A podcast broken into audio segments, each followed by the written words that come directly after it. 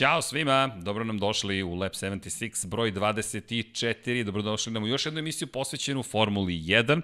Danas imamo malo drugačiju postavu, moj dragi prijatelj kolega Pavle Živković obično je u stolici sa moje desne strane, danas međutim na zasluženom odmoru i Pajo čekamo te da se vratiš, a stiže, stiže veliki broj trka, velika nagrada Belgije, velika nagrada Italije, velika nagrada prvi put ako se ne varam, a naš današnji gost će nam možda i potvrditi ili reći da je to drugačije. Idemo ka jednoj zanimljivoj velikoj nagradi, Toskane, ni manje ni više u Muđelu. Ali, da predstavimo našeg današnjeg gosta, mog drago ako mogu tako da kažem prijatelja, gospodin Zoran Živkov, Hvala Zorane. Obično, ja sam do pre koliko, 10 dana bio na vi, a iz čistog poštovanja koje seže iz tamo 90-ih, ali smo na ti i dobro nam došao. Pa, hvala na pozivu pre svega i da, na bolje da budemo na ti. Bolje, bolje nekako. Ja mislim da, da nekako mi je lepše da budemo na, na, na ti, dakle, da.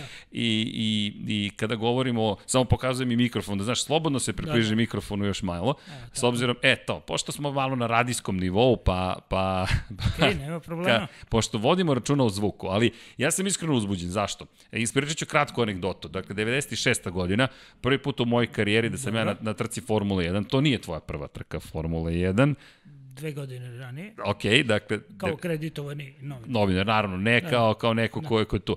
Međutim, već dve godine, u samo dve godine ja dolazim i gospodin Živkov, u to vreme sam persirao, stojimo na ogradi, ja se mislim da ti toga ne sjećaš, Žana Leziju Benetton Renault prolazi i ja gledam, pali si crveno svetlo pozadi na bolidu i pitam se, stojim i kažem, ja sad ja se izvinjam, ali ja, da, je ovo štop svetlo, ne razumem, pali se kad god koči. I ti mi objašnjaš, ne, ne, ne, srđane, to je svetlo koje verovatno rukom pali kada skreće toj krivini u levo, to je ona čuvena krivina 2 i verovatno zakači zapravo prekidač za paljenje mag, svetla za maglu. Ja kažem, ok, dobro, bar sam nešto novo naučio i ti kažeš, ej, ok, ti si neki novi klinac, ajde ti sa mnom, gde? U garažu Minardija, ni manje ni više i ja te po tome pamtim zavajući i hvala ti na tome. To je takav di moment, a mislim da te sjajno opisuje kao neko ko pomaže svima koji se nađu na stazi Formule 1, koji znam da gledalci neki imaju poseban pozdrav za tebe, potrudio si se da ih uvedeš malo iza kulisa i rekli su mi Zoran Živkov, to je divan čovek.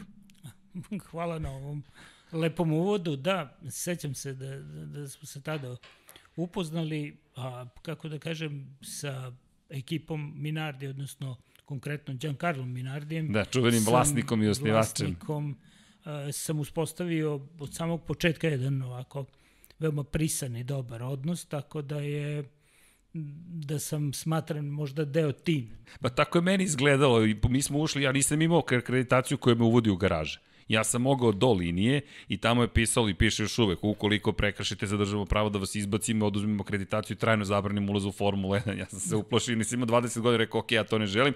I ti me hvataš za ruke i kažeš, ajde, ulazimo. I samo mahnuo mehaničarima i svi su te pustili. Šok. Kako, kako si došao dotle?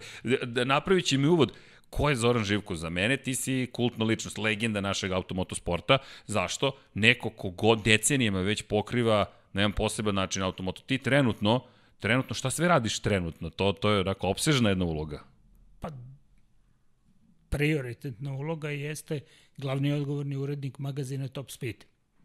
E sad, Top Speed ima još dosta nekih medija Jeste. sa strane, tako da sam involviran i u neke druge stvari i naravno to je sve što je vezano u, u sferi automobilskog sporta.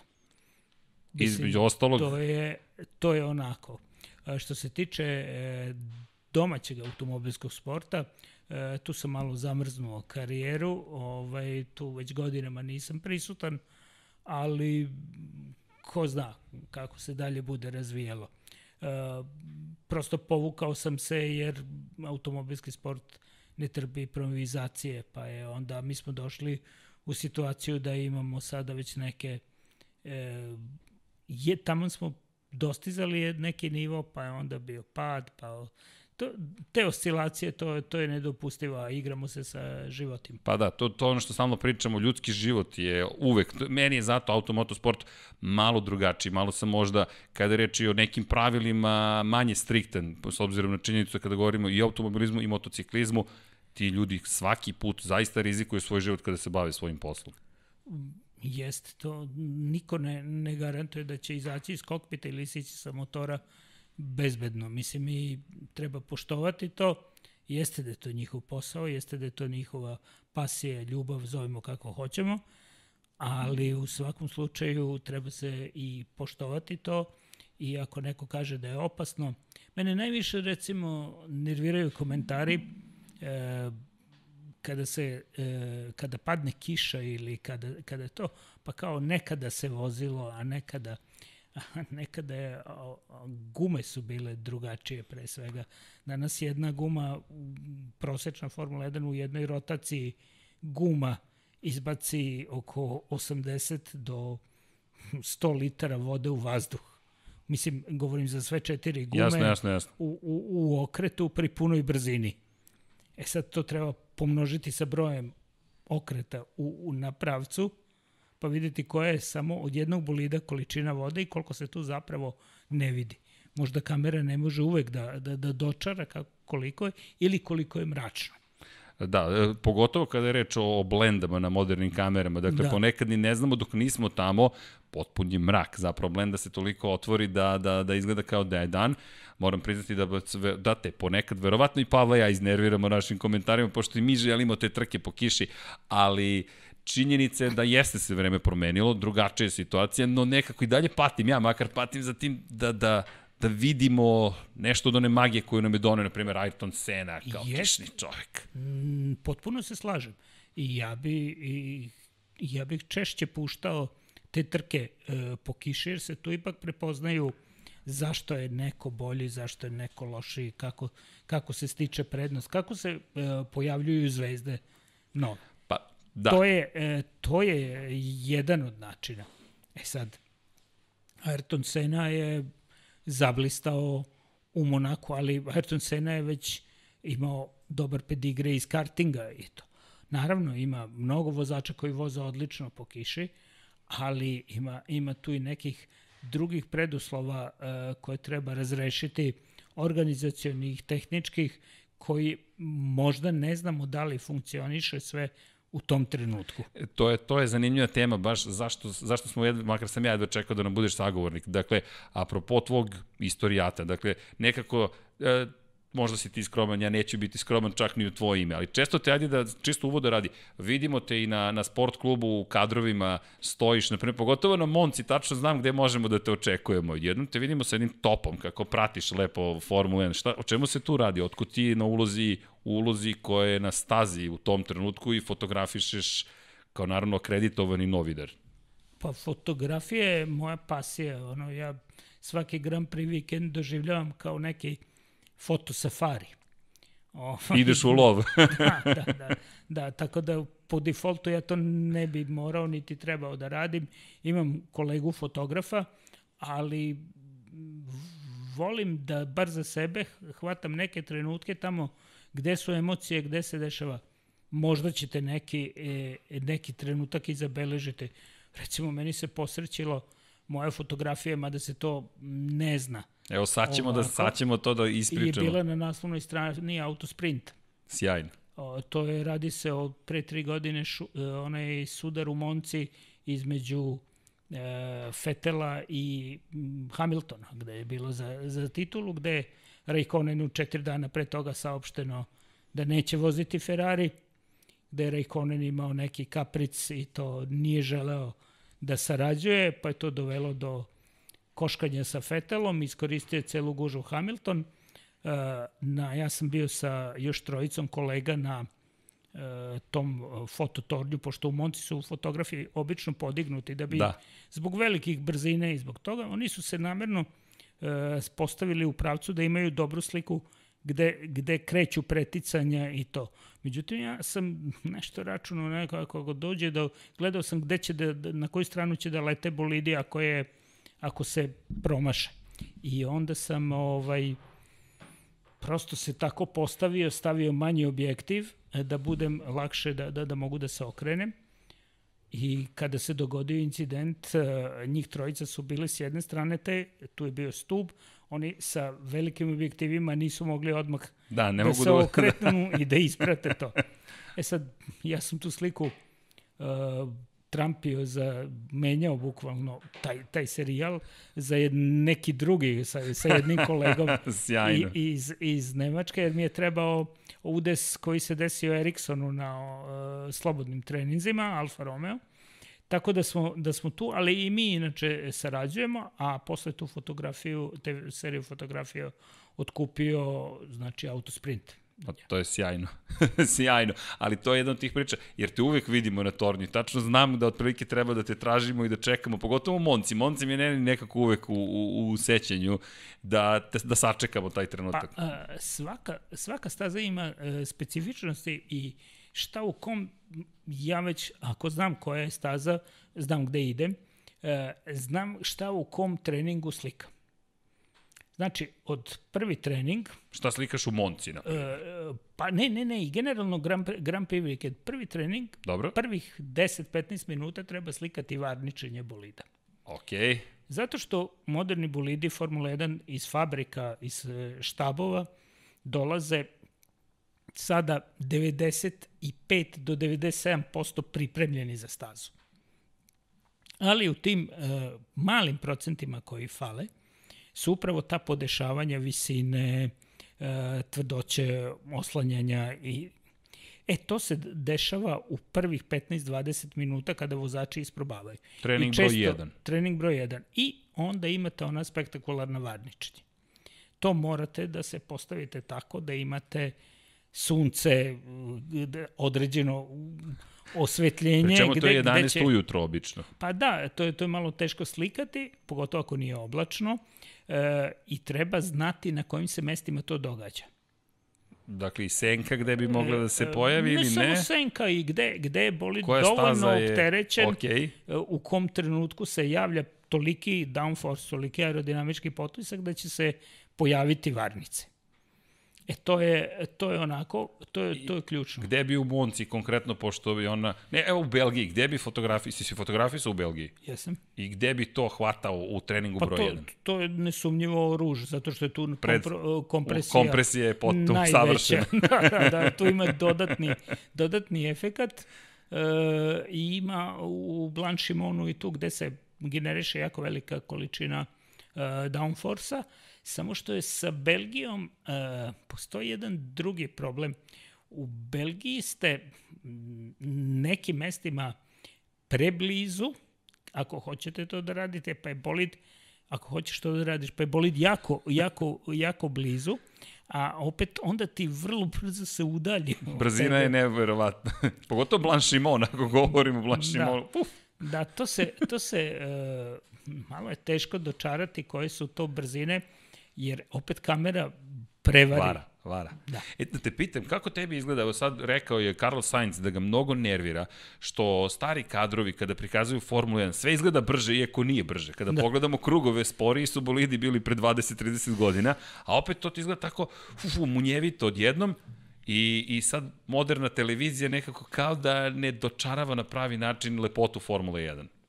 Pa, u svakom slučaju, e, tehnologija se promenila, e, sofisticiranije su kamere i više se peglaju ti e, nedostaci. Ono, bilo bi zanimljivo sad snimiti Formula 1 sa Sa starim on, kamerom. kamerom, da vidimo kako bi to izgledalo.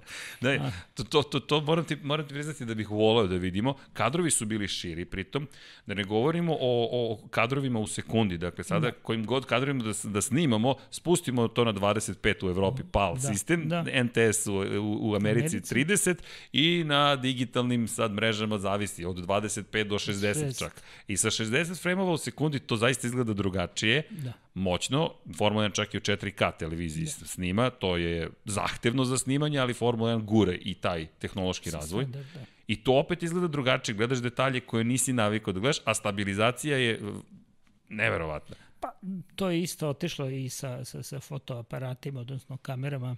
Vidim da gledaš kojima... naše kamere da, za da, koje da, su. Da, da, gledam. Pa, uh, uh, obično ranije se znalo da je, da, da je standard Nikon nije bio toliko umešan, bio je uglavnom uh, Canon. I onda je Nikon rekao, ok, obojimo ih u crno odnosno na ono, da, da svi objekt, pošto Canon ima bele da, da. objektive, onda je Nikon rešio i sad je tu bilo negde 50-50%. E sad je i Sony počeo kamere koje vi Jest. koristite. E, međutim, Sony malo sa optikom još nije toliko kao kao što su ova dva poznata proizvođača. Za oni koji To ne je- znaju, to je nešto što je nedostajalo s ovim. Pogotovo je mirrorless, mi koristimo mirrorless kamere, Da. koje su dosta lagane, međutim sve ima svoje prednosti i svoje mane. Optika kod Sony nije bila na tom nivou. Tek u poslednjih par godina su počeli, da se Počeli. bave. Da. I sada uh, guraju određeni fotografe, bukvalno vrbuju. Sponzorišu ih. Sponzorišu ih. Uh, I Formula 1 ima neke, neki svoj pool fotografa koji, odnosno kamere koje možete da rentate i to. I to su kamere koje, koje koštaju preko prsta obično 5 do 7 hiljada evra. Da. Samo telo. Znam iz iskustva za neke. Mada ova jedna R4 ovde nije bila planirana baš da ostane u studiju, to Da. stiže jedna S2, pa ćemo da, Da. da R4 oslobodimo da se kreće slobodno, da, Da. da diše. A što se tiče objektiva, da, to je, to je ipak na, na slobodnom izboru. U svakom slučaju, da, da bi snimili i dočarali tu brzinu koja je nesporno sada mnogo, mnogo veća nego što je bila nekada i Formula 1 moderna je zapravo najbrža što je što je Kako tebi izgleda? Izvini. Inače, mi nemamo, pitao si mi pred početka, vrlo profesionalno, kako idemo sa odgovorima, kakva je forma. I tu imamo i diskusije, pozdrav svim gledalcima još jednom, dakle, kada je reč o formi. Imamo, ali suštinski, želimo pre svega da prenesemo naše emocije i nadamo se znanje kada je reč o Formuli 1. Tako da, da, da evo vidiš, pričamo o kamerama. Meni je, to sve, meni je sve zanimljivo, nadam se i gledalcima i iza kulisa šta se događa. Ali, evo jedno pitanje, dosta se priča, pogotovo u hibridnoj eri. Pritaću te i za, i za osjećaj, i za audio osjećaj, i za vizualni osjećaj. Ajde krenemo od vizualnog, to jest od, od osjećaja brzine. Formula 1 je neverovatno brza, pogotovo u krivinama. Sada šta postižu, to nikad ranije nismo. Nismo imali takav dugačke i široke bolide. Ogromni su. Prvo su bolidi mnogo veći nego što su bili ranije, pa su im neke staze postale tesne. E, drugo, brzine su mnogo veće kojima e, intenzitet kočenja možda je da kažem e, manji nego što je nekada bio u, u onoj eri kada su se koristili samo e, ovaj, e, materijali kojih nema u periodnom sistemu. A ovaj sada e, vizuelni doga, e, doživljaj je wow, kad stanete pored staze, to je to je nešto zaista potpuno drugačije što ponekad no što televizije možda ne može uvek da dočara. Audio e, doživljaj se izgubio. To je definitivno. Svaki turbo e, kompresor priguši zvuk. To nije zvuk atmosferskog motora koji nekada, nekada su ovi antifoni za, za uši, ja sam ih koristio svuda bez malo je to. Evo sad u Monaku, možda sam od toga i ugluveo, ali ovaj, u Monaku skoro da bi mogao i kad je sam u tunelu, može da se izdrži, ali ako si baš jako blizu kad, ih je dvoje i troje, ne može tu i dijafragma. Je Da, dijafragma proradi. Tako da je, da je to ovaj, taj... I onda pojavio se još jedno predno 4-5 godina kad je počeo ova, e, ovi trikovi sa sagorevanjem. E to meni u prvom momentu, znači prva trka koju sam gledao evropska i sad u Monaku, pošto stoji čovek, tu je ograda, noge su tu, a bolid je na 10 cm. To je to je razmak. to je razmak o kojima kamermani imaju karbonski kecelje i ove zaštite da bi ovaj, se sad zaštitili od parčića, jer kad bolid udari u ogradu, to leti na sve strane. E sad, mi smo stajali tu i ja stalno osetim miris nekog dizela. I dizel, i dizel, i dizel, ono. Prvo sam pomislio da tu je neki agregat, jer obično kamermanima, ovima... Nedostaje e, struje. e, nedostaje struje, nedostaje struje ovim e, interventnim Jasno, ekipama koje moraju da imaju struju za neke sečenje, za, za nešto, za, Za bilo šta. situacije, da. Međutim, ne, ne, nema ništa, nikakvog agregata, a oseti se i dalje spaljeno kao da je dizel ovaj, u pitanju. I onda sam pričao malo sa, sa ovim nekim mehaničarima koji su spremni ovako malo da, da, da, da otvore dušu i kaže, pa to naše ulje ovako... I onda smo došli do teme da su u Mercedesu počeli da koriste klipove koji su porozni, da su počeli da koriste e, zapravo iz iskustva sa ovih prostora znam bolje znamo da motor pred generalno ide najbolje, zato što dodatno Svi troši znaju šta su karike. da. Kada nema dobrog zaptivanja, kada deo ulja dođe u cilindar, to daje dodatnu energiju. Jest. Prilikom sagorevanja... Kalorijska vrednost samo raste. Se raste. I zato su uh, Formula 1 ima tendenciju da sagoreva gorivo i naravno ulje. E onda se FIA dosetila i tu je bio ključ pre tri godine pobede Mercedesa zapravo kako su nadigrali Ferrari e, razmišljajući unapred.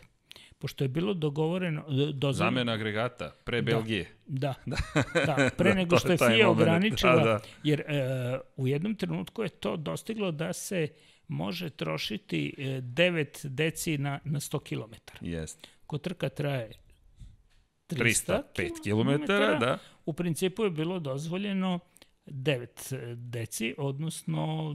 Skoro 3 litri, 2,7 skoro litara. litara ulja. Tako je. E onda je e, nekako je došlo se do toga da se smanjuje na 0,7. A Što nije mala razlika. Što nije mala Nije razlika. mala razlika. Mercedes je e, mudro e, do velike nagrade Belgije homologovao i aktivirao Jeste, nove pogonske sve, jedinice. sve pogonske jedinice koje su bile na starom režimu 0.9. Da. I po pravilu su to I smeli da po urade. pravilu su to smeli da urade. Jeste. Bolje tumačenje pravila. A Ferrari je A čekao Ferrari je Moncu. čekao Moncu da bi sve i onda su dobili pravilo 0.7. M su imali problem da se prilagode tome, M su bili odmah u startu U zaostatku. spori, za ostatku. I to je taj period, to je, je to 2017. ili 18. Os- 17. su to. to 17. E, Meni u glavi 21. i 18. da je to taj moment ne, ne, se sve... 17. su počeli Jasno. e, baš ozbiljno da, da smrde na dizel. što je... Što Izvini, je, ti si sad imao neprijatno iskustvo, ako smem da malo otkrijem na putovanju, da, neko ti dobro. sipa malo dizela u benzin. Pa dobro, e, Dešava benzina, benzina, Benzina u dizel, da, izvini. To je bolja varijanta. Bolje, bolje, varijant. ali da. Da. I kako sad ide auto? Pa, Ne ide. pitajte Renault. Ali, ali, ali da, izvinjam se, ali to, to je taj Ništa. moment. Jednostavno mi volimo da, da, da, da pričamo nema, o svemu ne, ne, svačemu. nema, ne, nema tajni za ovaj... Uh, u svakom slučaju, uh, poželjno je da se nađe dodatna kalorijska vrednost u cilindrima. U ovom m, Formula 1 je to između ostalog napravila porozne karike, porozne klipove. Tolika je ta, e, taj nivo tehnologije da oni znači troše 0,7 na 100 kilometara. A, i- i- Izvini, kada govorimo o, o generalno toj potrošnji, a, razlika je 30%, dakle kada pričamo o onome što su, što su što, što, 30% razlike u nečem što on daje, daje dodatnu energiju. Dakle, ogromna razlika. Možda ovako na prvi pogled 0,9, 0,7, ali to je igra zapravo velikih sušt, na neki način velikih brojki. Pa, e, mi, mi, mi pričamo stalno, jer Formula 1 je mm, sport koji ne trpi, vrlo tehnički sofisticiran i koji ne trpi da stoji. I ti inženjeri stalno smišljaju nešto novo. FIA ne može da isprati to. Niti I zato se, zato se jer ima jedan, dva, tri čoveka koji rade tamo one tehničke stvari, koji pokušavaju da se bore sa svim tim silnim softverima, sa mm, hardverima i ko zna kakvim rešenjima koje su eto sad ovaj blago rečeno napredna. DAS sistemi Evo, ili to. Baš gledam, izvini. Dakle, apropo toga, da, evo računam, da, 28% je razlika. 28% je razlika. A pričamo o nečemu gde su, gde su hiljaditi delovi sekunde važni. I ti dobiš 28% prednosti u jednom delu, ne ukupno. Da. I to je ogromna prednost. Opet, bolje tumačenje pravila si rekao. Mercedes je unapred i to je neki inženjer seo ili direktor sportski ili neko iz ekipe i rekao, ej, čekajte, ako sada uvedemo sve ove motore do kraja sezone i aktiviramo ih tokom Belgije, mi imamo Pre Belgije prednost. to će biti bolje. Da, ne moramo da ih koristimo, samo da ih aktiviramo. Oni su ih aktivirali na slobodnim treninzima, što znači da je agregat ušao Tako je, u, upotrebu tako je. i to je, to je legalno. Da, bilo je jedno izvinje od pitanja, iskoristio bih tvoje prisustvo, šta znači za pečećen, šta znači odpečećen motor. Konkretno sam, je bilo pitanje za Moto Grand Prix, ali može da se nadoveže i na Formulu 1. Sličan je pravilnik, ako ne gotovo isto, vetan drugi su tehnologije, pošto nisu hibridi. Da, malo je komplikovanije, zapravo mnogo je komplikovanije kod Formule 1. Jeste. Tu su, tu su uh, realno mislim da bi to moralo da se, da, da se uprosti to. Sad, m, publiku baš briga da li je MGUH, MGUK, da li troši e, sedmu e, kontrolnu jedinicu ili petu. Ob, ili, Izvini, šta ušte znači kontrolna jedinica iz perspektive nekoga ko sedi na tribinama i treba da navija? ništa. Dakle, to, to je nešto... Potpuno nepotrebno. E, Ja sam od samog starta već alergičan bio na upotrebu hibridne tehnologije. Kers je možda To bio sam da te pitam baš. poslednje što sam mogao da prihvatim gde je bilo kao ono ograničeno po krugu pa se moglo koristiti. Ali generalno mislim da uvođenje hibridne tehnologije nije dobro za sport. Uh, FIA već ima jednu seriju u kojoj se štedi gorivo. Zove se svetsko šampionat izdržljivosti. Izdržljivost. Tako je. Endurance I Championship. nema potrebe sada Formulu 1 gurati, uh, Formula 1 su sprint trke, a ne trke da. izdržljivosti. A mi sad imamo da se Formula 1 takmiči po pravilima koja Pa baš to je za nisu, Aleman, to je za 24 časa Alemana. Više- Lift and coast, štedi Da. ili vozi drugačije. On, izvini sad, Ništa, ništa. ali to je ta priča. Meni je ovo uzbudljivo, zašto? Nemamo više taj moment, meni šta, šta mi nedostaje? Nedostaje mi moment gde ti možeš da odeš na tri promene guma, na primjer, i kažeš, ok, vi vozite na izdržljivost, ja ću na sprint. Šta, gde tu nastaju problemi? Ne samo u činjenici da to teško izvodljivo u ovom momentu s Pirellijevim pneumaticima, delimično su pneumatici odgovorni, ali i štednja agregata. Ti imaš tri agregata za celu godinu. Ja ne mogu da vozim sprint trku. Čak i da mogu da nadoknadim, ja nemam tu mogućnost. najlepši period po meni Formula 1 je bio onda kada se vozilo bukvalno i kvalifikacije petkom, kada je bio sat vremena i od tih sat vremena vozi koliko ko može, obično je to bilo tri izlaska, četiri izlaska na stazu. Pamtiti se najbrži krug, jedan, I to je to. i imaš u subotu I još onda jedne. warm-up postoji u nedelju, Da.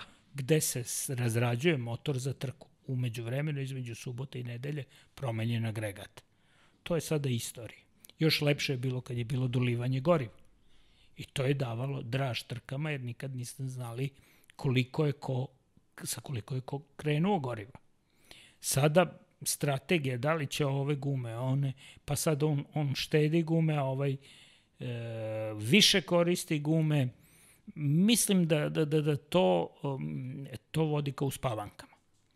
A sad pred Pirelijem se stavljaju uh, različiti zahtevi, pa onda dolazimo u paradoksalnu situaciju da smo prošle godine u Abu Dhabiju po završetku sezone, bio sam tamo, da su prvog dana testiranja kada su probali gume Za za, 2020. za, za, za 2020. Uh, već drugog dana su svi bili saglasni Svi su da, da se ne. te gume napuste i da se vrate na, na, na 2019. Izvini, redka jednoglasna odluka u Formuli 1, dakle svi su rekli Ali- ne.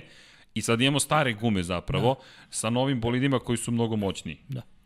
I to je uzrok problema bio u mnogim slučajevima, a vidjet ćemo kako će se to tek, kako će reperkusije imati na staze, pogotovo gde Pirelli, odnosno ti ljudi nemaju iskustva.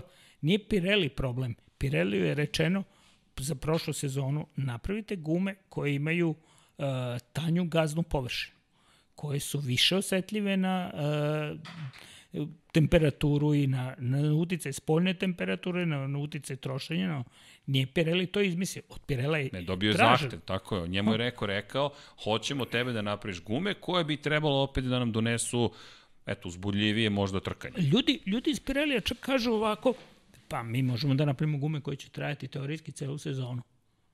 To sad- nije takav veliki problem da. u suštini za takvog proizvođača. Tehnološki to je sa ovi, na ovom nivou izvodljivo, ali da li će to doneti trkanje? Pa, mislim, znam. Nisam sumnjam da, siguran. da, da će, opet će se sve svesti na štednju gum. Mislim da je, da, da je pogrešan put od sprint trke praviti endurance. To je u osnovi pogrešno. A onda uh, Međutim, eto kao lepo zvuči da Mercedes ima tehnologiju hibridnu koja je razvijena u Formuli 1, pa se onda prodaje u limuzinama, u, u da, ali... ovo vi imate e, mild hibrid, ima koristi istu elektroniku, mislim isto pa ni nalik. Uh, da, princip je isti. Princip je isti, ali suštinski govorimo o tehnologiji da. koja nikad neće biti zapravo primenjena u automobilima. Da. Početkom hibridne ere 500 bara je bio nivo, da. zapravo pritisak pod kojim je kompresovan vazduh. Dakle, da. ja ne vidim automobil koji, koji ima... će imati 500 bara kompresije, ali okej. Okay.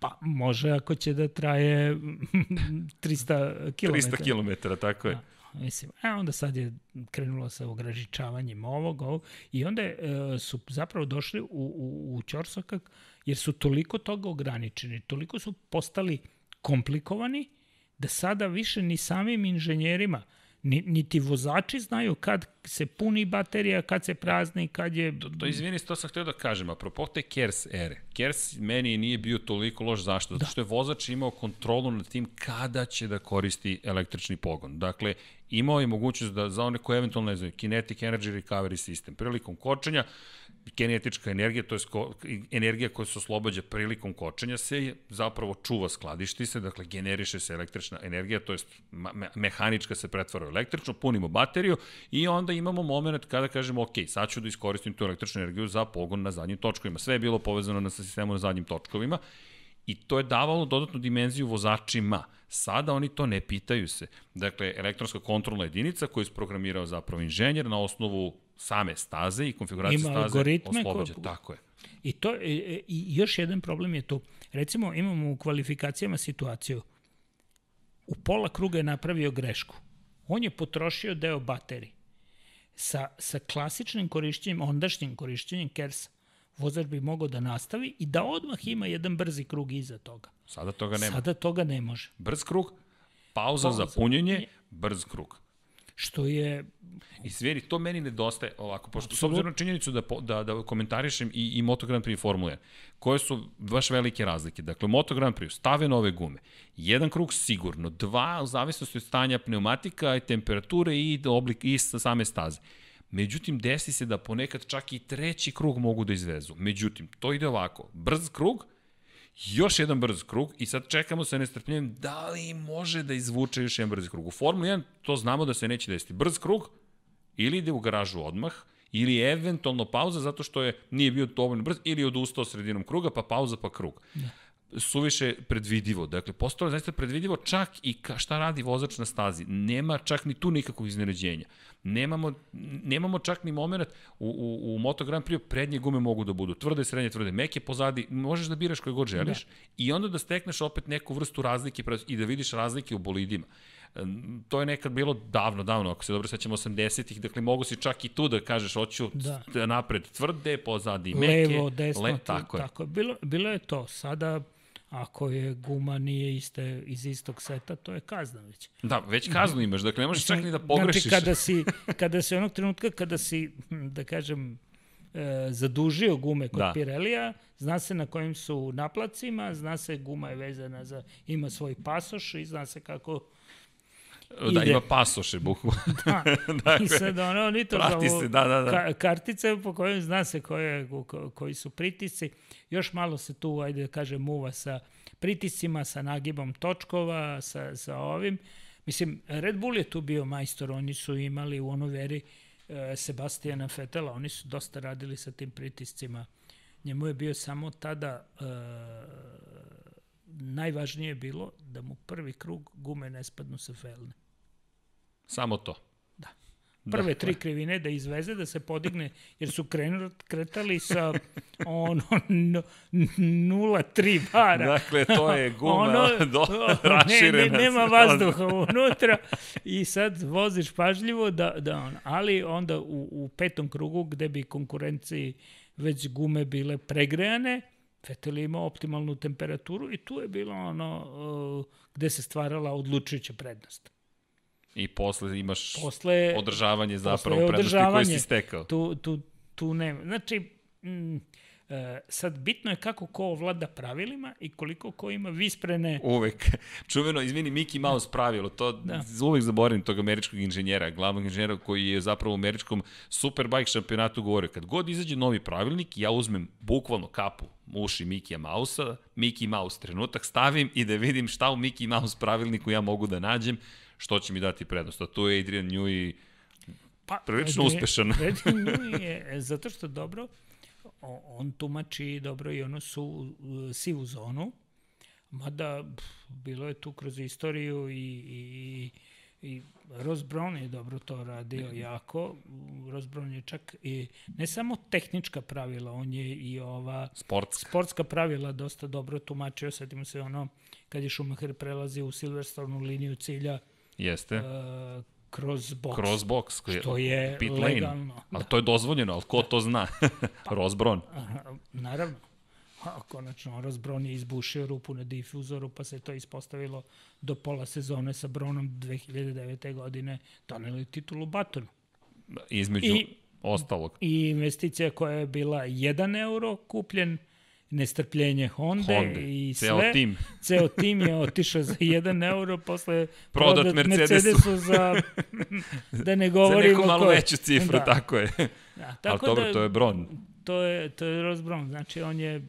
A kako ti izgleda, izvini, njegova uloga sada, iz ove pozicije, kao neko koji iz, jedne, iz ekipa otišao da zapravo upravlja sportom? Je pa to dobro se, ili loše? E, Sad, nemoguće ka, pitanje, izvini. Ne, ne, nemoguće pitanje, ako pitate Ferrari, mm, nije im to baš e, simpatično. Gde leži srce Aj, Rosa Brona? Da, u Maranelu da, da. ili u Stuttgartu? Pa sad, e, mislim da je, da, da je financijski u Stuttgartu. Dobro, tamo je jer, glava, dakle, definitivno. Jer, jer Ferrari je slava. I mnogi od tih momaka koji su radili, ne govorim samo, nego i od mehaničara je to, su često radili za mnogo manje para u, u Ferrariju da bi imali slavu.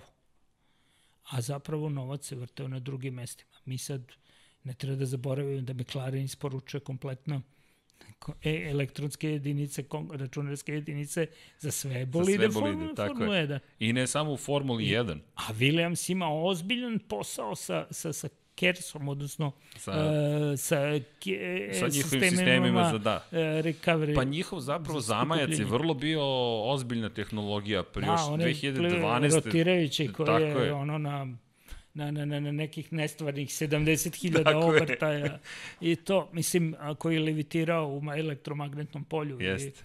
I, i to, to, to je ozbiljna tehnologija koja je korišćena Pa, I u, u NASI, u... Tako je, to, to je vreme Adama Para, ako se ja dobro da. sećam, i oni su tada izašli na, u Frankfurtu na berzu, zapravo, Williams je da. tada kotiran na frankfurtskoj berzi. I konačno, Williamsove operacije su sada odvojene od tima Formula, kao što su i svi timovi, e, da se razumemo mi, Mercedes koji pobeđuje u Formuli 1 je sada Mercedes. Da su stvari pošle po zlu, ne taj bi se Mercedes tako zvao. se ne bi zvao on bi i dalje bio projekat nekog Toto Wolfa, Nike Lauda i sve. I u suštini Mercedes je donedavno bio austrijski tim, a ne nemački. A Toto Wolf je iz Austrije. Uh, Toto Wolf jeste austrijanac, ali on je uh, sestrić uh, suvlasnika AMG-a i ovog iza Fardenbacha. I e, ne treba zaboraviti da je to njegova... bliska veza postoji. E, bliska veza, ali ako nešto krene po zlu, on će biti samo istureno odeljenje Mercedesa koje je zabrljalo nešto. Sada kada se sve med i mleko, on je deo Mercedesa. A, inače, izvini, samo dodamo, HPP Performance je priča za sebe. Dakle, da. imamo jedno odeljenje koje se bavi pogonskom kompletnom jedinicom, ali to je izdvojeni entitet zapravo, da. koji sarađuje blisko sa Mercedes AMG Formula 1 timom, da. koji je priča za sebe. A onda imamo Mercedes koji je, opa, da. ovdje sam udario da. treći mikrofon, da. dakle, koji je zapravo Mercedes. Mercedes. Da, i, i sve je lepo podeljeno.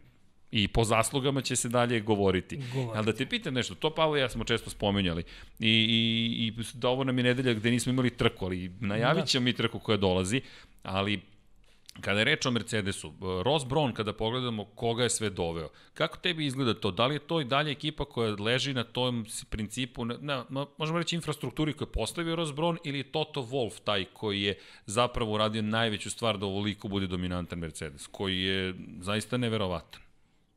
E, Toto Wolff e, se isprobao kao trkač, ali je, imali smo pre par godina jedan vrlo, vrlo dugi i zanimljivi intervju sa njim, gde je otvorio dušu, gde je rekao svim problemima koji su ih morili, pogotovo tamo kada je imao sukob između Hamiltona i Rosberga, kada se znalo da e, kada je Rosberg ozbiljno nanišanio Hamiltona u toj sezoni, kada su imali sudare, tu mu je pomogao Niki Lauda u, u smirivanju strasti i rekao više nikad neću da prolazim kroz to što jeste.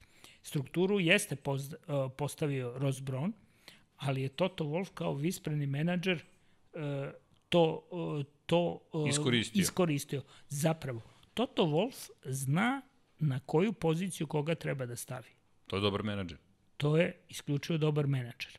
Niki Lauda je imao drugu, on je imao viziju e, kako, kuda tim treba da ide. Okay. I njih dvojica su u, u duetu radili, bili jako dobar tandem. A Paddy Lowe u celoj toj priči? Paddy Lowe je... Paddy Lowe je malo čovjek staro kova. E, Ross Brown nije dopustio da ga uh, pregazi vreme. On je konačno jednom jedne prilike uh, rekao umoran sam nedostaje mi pecanje, idem je jednu sezonu da pe, onda kada je otišao iz Formule 1. Da. I očigledno se tu, tu jako zasitio, igre su postale pregrube za, za njega i on je želeo da se odmori od svega i umeđu vremenu je smišljao. Šta dok će je da radi pecao, dok je pecao? pastrmka jeste lukava i, ovaj, i onda je tu Izvini, posle se vrati. spominješ pastrmke, ali ima ona čuvena knjiga, dakle, klub Pirana koji govori o tome da koliko je Bron promenio zapravo Formula 1 sa Schumacherom i advokatima i William Weberom da. 91. godine kada su na jedan specifičan način protumačili ugovor Edija Jordana sa Mihaelom Schumacherom i oslobodili ga obaveza koje imao prema Jordan Grand Prix-u i kažu da je to moment kada se Formula 1 definitivno promenila. Pa promenila se, mislim, ne znam, kada se Beltraz, e, kada se ovaj Gašo poktukao u Da, u Gašo sa taksistom. E, da. Bertrand Gašo koji je imao ugovor sa Jordanom. Sa, sa Jordanom. Da. Uh, tada je uh, Jordan tražio vozača, Eddie Jordan, koji će uh, voziti u spa. I obratio se Williju Weberu, ovaj rekao da ima vozača koji će voziti, jer ima iskustvo, bilo je uslov da ima iskustvo. Imao je, u Mercedesovoj školi. Jeste, ali je imao iskustvo voženja na spa je imao na biciklu. ok, to Jer nisam Schumacher je tako. I tu je bila prva obmana. Da. Sa ono, jedino kako je Schumacher vozio u spa jeste biciklom. Ok. On je trenirao. Ali nije mu loše bi išlo u kvalifikacijama. Nije, nije mu loše i još, mu je, još, još bolje mu je ispalo na trci, jer Jordan nije imao da. potencijal. A njemu se pokvario bolid. A njemu se pokvario bolid, Jest. ne njegovom krivicom pretirano. Da, da. To da je zalepilo kvačilo. Dešava se. Bože moj ali je ostala priča. E sad, tu je uskočio Bron koji je video da, da tu ima potencijala, ima potencijala i da, da, da uđemo u sivu zonu kao kao što su ušli vrlo ozbiljno, pogotovo 94. sivu i 5. jer imaš ti, nemaš ti ugovor, a pritom i Willi Weber je tu video uh, svoj interes, pa, pa mu je... Willi Weber koji je bio hotelijer, čovek koji je, izvini, rekao da. svoje vremena, to, toga se baš sećam, zbunio me, rekao je ne podnosim hotelirski posao, silno sam da. želao da izađem iz tog posla. da, i eto, izašao je. Ovo, izašao je uspešno dosta. Izašao je uspešno. U celoj priči je kratkih rukava, kratkih rukava ostao Eddie Jordan. Ostao je bez važnog vozača. Bez važnog vozača, s tim što mislim da, da ne bi Schumacher mogao tu da napravi, tu bi bio pik do, do, do kraja sezona, ali se to munjevito odigralo i, i, i brzo je to stavljeno ad akta. Uh, jer su se svi akteri složili Da je to Idemo sad dalje. u redu. Ali to je zanimljivo, to je prva godina za Edija Jordana u Formuli 1. Dakle, on je tek stigao, ako se ja dobro sećam, Seven Up bolid čuveni, to je 91. On je imao timove u nižim kategorijama, ali Formula 1 je potpuno druga igra. I jednom dobija priliku neku, to jest dobija i pažnju Da. da. medija i nekog novog menadžmenta, to jest neke nove grupe ljudi koja polako diktira stvari. Pri čemu u to vreme Bron je u Benettonu, Benetton koji je pod vođstvom Flavija Briatorea, Briatore koji se pojavio, mislim, pet ili četiri godine ranije u Formuli 1, kao uspešan menadžer iz, drug, iz, iz, iz, iz te kompanije, ali A i Briatore, Briatore posebno, vidim po izrazu lica. ovaj, da. ovaj, da kažem, e, naši ovaj, zapadni susjedi bi rekli, osebujan lik. On je, uh, on je vrlo živopisan lik, Blago rečeno. blago rečeno čovjek koje i u biografiji nedostaju od kako je od konobara u pizzeriji u Kuneu došao, ali zapravo radio je, e, radio je, upoznao se igrom slučaja, ja sam jednom prilikom upoznao čoveka koji je e, vlasnik pizzerije u kojoj je Briatore počeo Dobro. da radi i bili smo na večeri zajedno, zato što taj čovek je zajedno sa jednim našim biznismenom, od mojim kolegom uh, Martina Candera, fotografa koji je sa mnom mnogo odlazio na Formulu 1, uh, oni se poznaju, zajedno su otvarali restorane po istočnoj Evropi. I onda smo u Mađarskoj bili na nekoj večeri, gde je bila i, i gospođica Campbell i, i ove neki, baš uži krug uslov je bilo da Martin ne slika, samo, i tu su se onako čule neke zanimljive priče, između ostalog gde je Flavio Briatore bio i telohranitelj, pa fali jedno godinu i po dana U biografiji. u biografiji priča se da li je bio u legiji stranaca, da li nije, gde je bio. U svakom slučaju, on je čovek koji se nije mnogo razumeo u Formulu 1 u smislu tih tehničkih, ali opet znao koga će da angažuje i najbolje stručnjake. Opet menadžer. Menadžer, m, to će rešiti Upravlja ljudima. taj. Ross Brown je tu da tehnički vidi da li ta sad drvena ploča mora da bude ili oštećena ili je bila malo oštećena ili nije bila oštećena. Ili je oštetio kad je prešao preko Ivišnjaka. Ili je filter nestao u crevu za gorivo. Da, proguto ga. Progutalo ga nešto. Jednom brže teče gorivo u Benettonu. Da, to je bilo, to, je, to, to su bile, mm, mislim, uh, u, u, treba, treba se i snaći. Međutim, uh, kako su uh, multinacionalne korporacije više ulazile u Formulu 1, uh, sve su, sve su strožiji kriterijumi i više nemamo tako igre na tom nivou da uh, prosto opstaju ti neki dinosaurusi u smislu uh,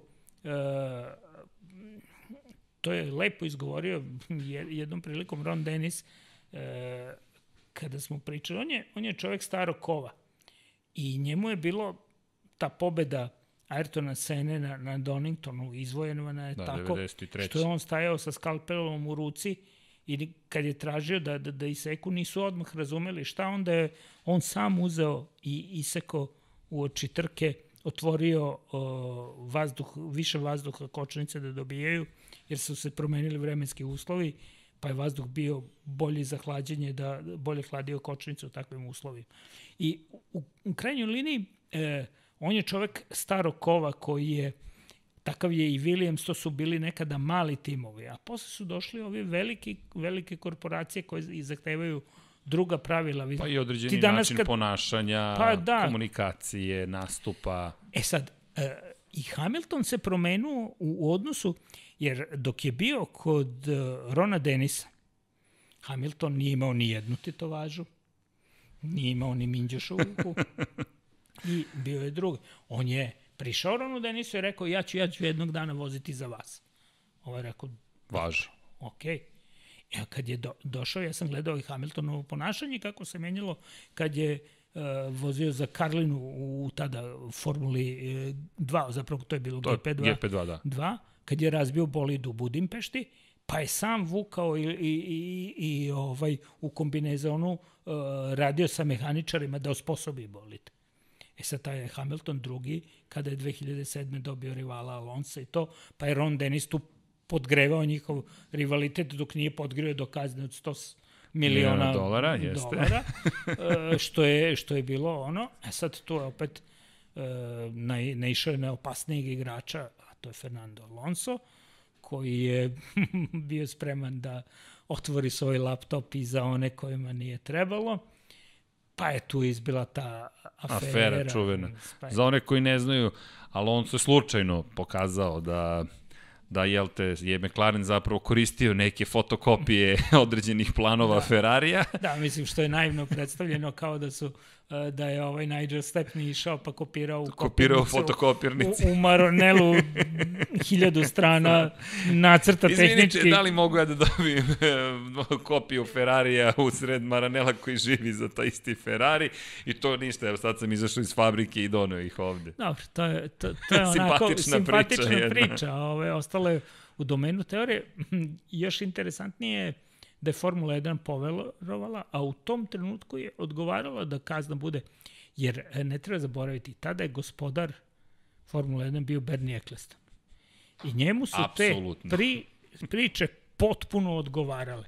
On i kada nije e, rekao je, baš se sećam, u Hockenheimu su sedeli, to je prvi intervju koji je dao posle ono kad je izazvao skandal, e, kada su ga na, napale razne feministke i jevrejske udruženja, a on je rodo po majci jevrej.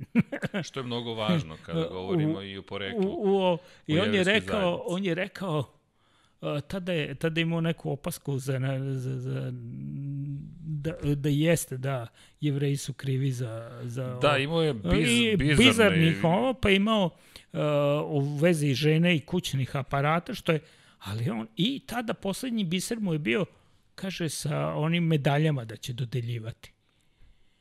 A to je bilo, kaže, zašto? Pa kaže, evo, dosadno je, ništa se ne dešava, ja moram da podgrejem priču. Mora nešto da se događa da bi Formula 1 bila u fokusu. Apsolutno. I to je on sjajno radio. Dakle, sve je koristio sva... Zašto? On je često govorio da je za njega Lewis Hamilton najveća zvezda, jer je jedini koji mu donosi neke priče.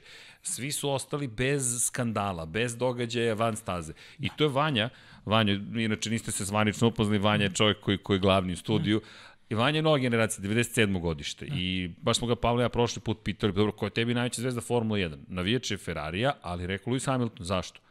Hamilton je na Instagramu, dolaze mu reperi, dolaze mu poznate zvezde, manekinke, pravi muziku, e, dizajnira za Tommy Hilfiger, radi neke stvari koje niko drugi ne radi. Nijedan drugi vozač nema taj životni stil. Samo on je to, on je to postigao tek onog trenutka kad je dovoljno sazreo, kad je otišao od uh, Rosa, od uh, Rona, Ron Denisa, Denisa, da. I tada je on evoluirao u Tigra. Zapravo shvatio je da mu nije potreban pravi menadžer, da on može da angažuje i da kaže menadžeru kako, a ne da mu neko Govori. kroji sudbinu kako, kako će trebati. Prvo je ga angažovao je neku PR agenciju i tada je počelo da se pojavljuju tetovaže, da se ilustruje i tako. To da, da bi na kraju došli do, do ovoga što imamo sada, on je neki trendsetter u, u, u kojem, ali Na Hamilton- globalnom nivou. Na globalnom nivou. On, on jako dobro koristi društvene mreže. Mm, I kad ih ugasi nekog, čak. U nekog intervjua uh, gore u Mercedesovom motorhomeu imali smo i ne, recimo sad je to neko gluvo doba, gluvo doba, mislim pola sedam uveče u, u Austriji. je u Formuli 1 vreme kad se ne Pa dešava da, previše četvrtak, stvari. pola sedam uveče. Uh, I, ovaj, I on kaže, uh, i zakazan intervju sa njim, gde su se popeli fotografija na, na, na sprat i bilo kao ono, pa fotograf ne može da slika, može da slika samo naš fotograf Mercedesov. Prako dobro, ništa, on će tu biti, ok. I Hamilton je sedeo i nešto je po telefonu ovaj, čačkao. Ali kad je došlo minut do pola sedam, on je spustio telefon, I to je to. prišao za sto, seo, dobar dan, dobar dan, i počeo intervju. Znači, vrlo je profesionalan i vrlo je, znači, znao da ceni 15 minuta, 15 minuta razgovor. Neki put, pogotovo, to je bitno da ih, eh, da pronađete čoveku žicu u razgovorima. Na žargonski rečeno da otvorite Da, sagovornika. jeste. Jer ako su pitanja neka glupa, ja sam imao situaciju gde je sad pobednik ove Indy 500, Takuma Sato. Izvini, pogodio sam pobednika. U prošlom podcastu bio nam je Deki Potkonjak, bila nam je Jelena Trajković i ko će da pobedi, rekao. Takuma Sato, to je, to je viđeno. koji, koji nije bio, tad je on vozio za bar i nešto. I bili smo u nekom razgovoru, intervju, vrućina, ono, upekla je zvezda pod ono, nije njemu do razgovora, nije meni do razgovora, ali otprilike. I sad on priča tu, I kaže, eto imam na volanu, jer kako se snalazite sa tim silnim komandama? Pa kaže, imam tu, pa ovde, ovde podešavam, ovde podešavam visinu. I ja uzmem diktafon i rekao, ovo je jako zanimljiva priča, ali za Joa Bauera i tehničku komisiju. A on se ta, u tom trenutku prenerazio. PR je ispustio tamo vodu koju je držao, flašicu. Ovaj, ne, ne, ne, kao ne, zabunio se ovo.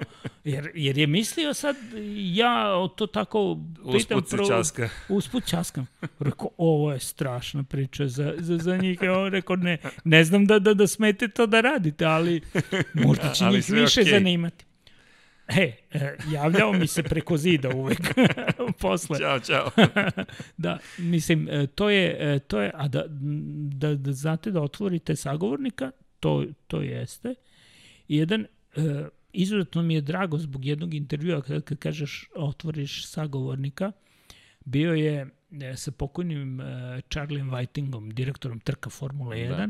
Isto u Budimpešti smo imali zakazano neko doba pet popodne FIA pa strogo protokoli, ovaj, Italijan, to će sada da sedam i po minuta ovog, četiri, ne znamo, mislim, da, da pokaže kontrolnu sobu odakle Jasno. on. I došao je i ovaj kao, pa evo tu je i ovaj Herbie Blaš uh, koji je sa njim. da bi se na kraju završilo da smo mi pola devet izašli zajedno, jer je on pronašao i neki viski umeđu vremenu i to pogodili smo ga kolega Jukić je bio slovenac koji je godinama u Formuli 1. On se pojavljuje čak i u filmu Sena, kada ona jedna glava se uvlači u automobil, kada su Seni promenili uh, startnu poziciju u Japanu i kad je bila diskusija, E sad, Jukić je jedini koji je ušao u auto da ga slika. I on ima tako nekih momenta. Snalažljivost, da, da. pogotovo fotoreportera, to je da, posebna da, on priča. Je, ona ima onu drskost nepot, potrebnu e, za... Ali onaj moment, e, kada počnu da viču na sportiste, dakle, to su ljudi koji su, dakle, zvezdi svi, ali ne stoje lepo u kadru. Da. I samo čuješ urlik, stani desno, pomeri se levo, uđi u sredinu, da sada ne vičemo mikrofon da. i sad se prepadnete kada ste prvi put na, da. na sportskom događaju shvatite, aha, fotoreporteri su glavni, pomeri da. se levo, desno. On hoće, on hoće sliku. sliku, tako je. Kako to stojite? Slika. Ne, ne, ne, ne, ne uklapamo se. Pa, e sad, i, i između ostalog, ovaj, mi smo sedeli tamo i pričali, on je rekao, ok, moram da uradim ovo, pričajte malo sa Herbijem, I onda smo pričali, on se priključio, pokazuje nam je kontrolnu sobu odakle se vodi e, sve cela ko, ko je za cela trka. I onda smo seli kod njega u kancelariju. E, pošto smo potegli pitanja iz ere Brephema, gde su bili on i, i, i Bernie Eccleston, i znajući neke priče iza kulisa koje je Bernie ispričao mi, e, to je, bilo, to je njega ganulo da još više otvori dušu i da priča o stvarima o kojima su o kojima drugi verovatno nisu ne čuli. Kako je, kako je Sena, ko je bio najgori, zapravo najgori od svih vozača, u smislu najopasniji po druge, ali najveće spadalo, da tako kažem, je Nelson Piquet. On je bio ubedljivo najgori i najviše smicalica je pravio. Bio je noćna mora za, za, za, za Bernija, za, bio za njega, za, za, za, za, za, za, za ceo za tim. Ceo tim. Čovek koji je direktor u Mercedesa, gde je Bernie rekao, ok, direktor u BMW-a uh, u trci u Brazilu, koji je došao da gleda trening, novi sponsor BMW, ovaj, on je čoveku zalepio vrata lepkom, ovim uh, trakom, i pošto je ovaj smoren celim treninzima, ipak to traje ceo dan, a nema gde u Brazilu da se pomakne uz bezbednosti i zapalio ovu krpu za, za, za pranje i ubacio unutra. U, u Čekaj, auto. to je, to je pokušaj ubistva. To, to, to, ne, on je pokušao da vidi kako će se snaći. kako će se snaći šef. A da, da, da, da, ne kažem, da ne kažem da je on Herbie u Blašu m, servirao je e, pošto su stalno jeli špagete, pa im je to bilo, e, on je platio da iz obližnjeg restorana donesu najrazličitija jela. Dobro. A, i imao je a, sve sa poklopcima onako i poslednji poklopac, ka, pošto su sad celi da jedu, za sto, svakom se je otklopio i to su bila divna neka jela, a kad je otklopio uh, Herbiju Blašu, uh, tu je bio tanjer sa špagetima u kojem je bila živa zmije. A on se bojao zmije, tako da je bežao kroz zatvoreni, kroz, kroz onaj, pobegao je kroz šator koji tu na toj strani nije imao vrata. Onda znate to je kako Indiana je... Jones moment. Da, da. A, a to me podsjeća, izmini, dakle, samo da, da napomenemo, za one koji možda ne znaju, Nelson Piquet je trostruki svetski šampion Formule 1, jedna od najvećih zvezda tog perioda i, i jedan od najspešnijih brazilskih vozača ikada, dakle, govorimo o velikanu sporta. Da, e, a onda kada se posvađali su se nešto, nije išlo po Pikeovom kako je hteo, e, Pike im je ujutro skinuo filter klime sa, sa auta i ovaj Okay. ubacio ovu od čišćenja ribe, očišćene ribe i zatvorio. I sad auto je stojao ceo dan na suncu, a uveče su se oni vracali i imali avion u, u, ovaj, u Brazilu.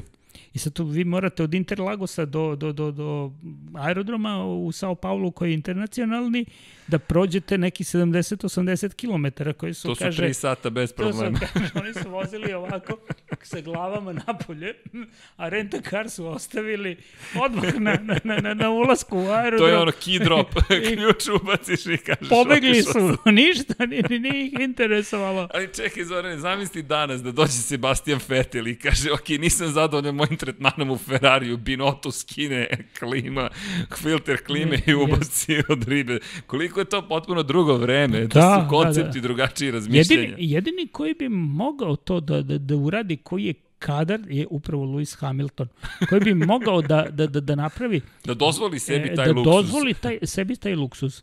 Jer bez obzira koliko Hamilton izgleda ovako i proračuna i to, ja sam ga vidio u nekim situacijama u kojima sam rekao da, ovo je stvarno za respekt.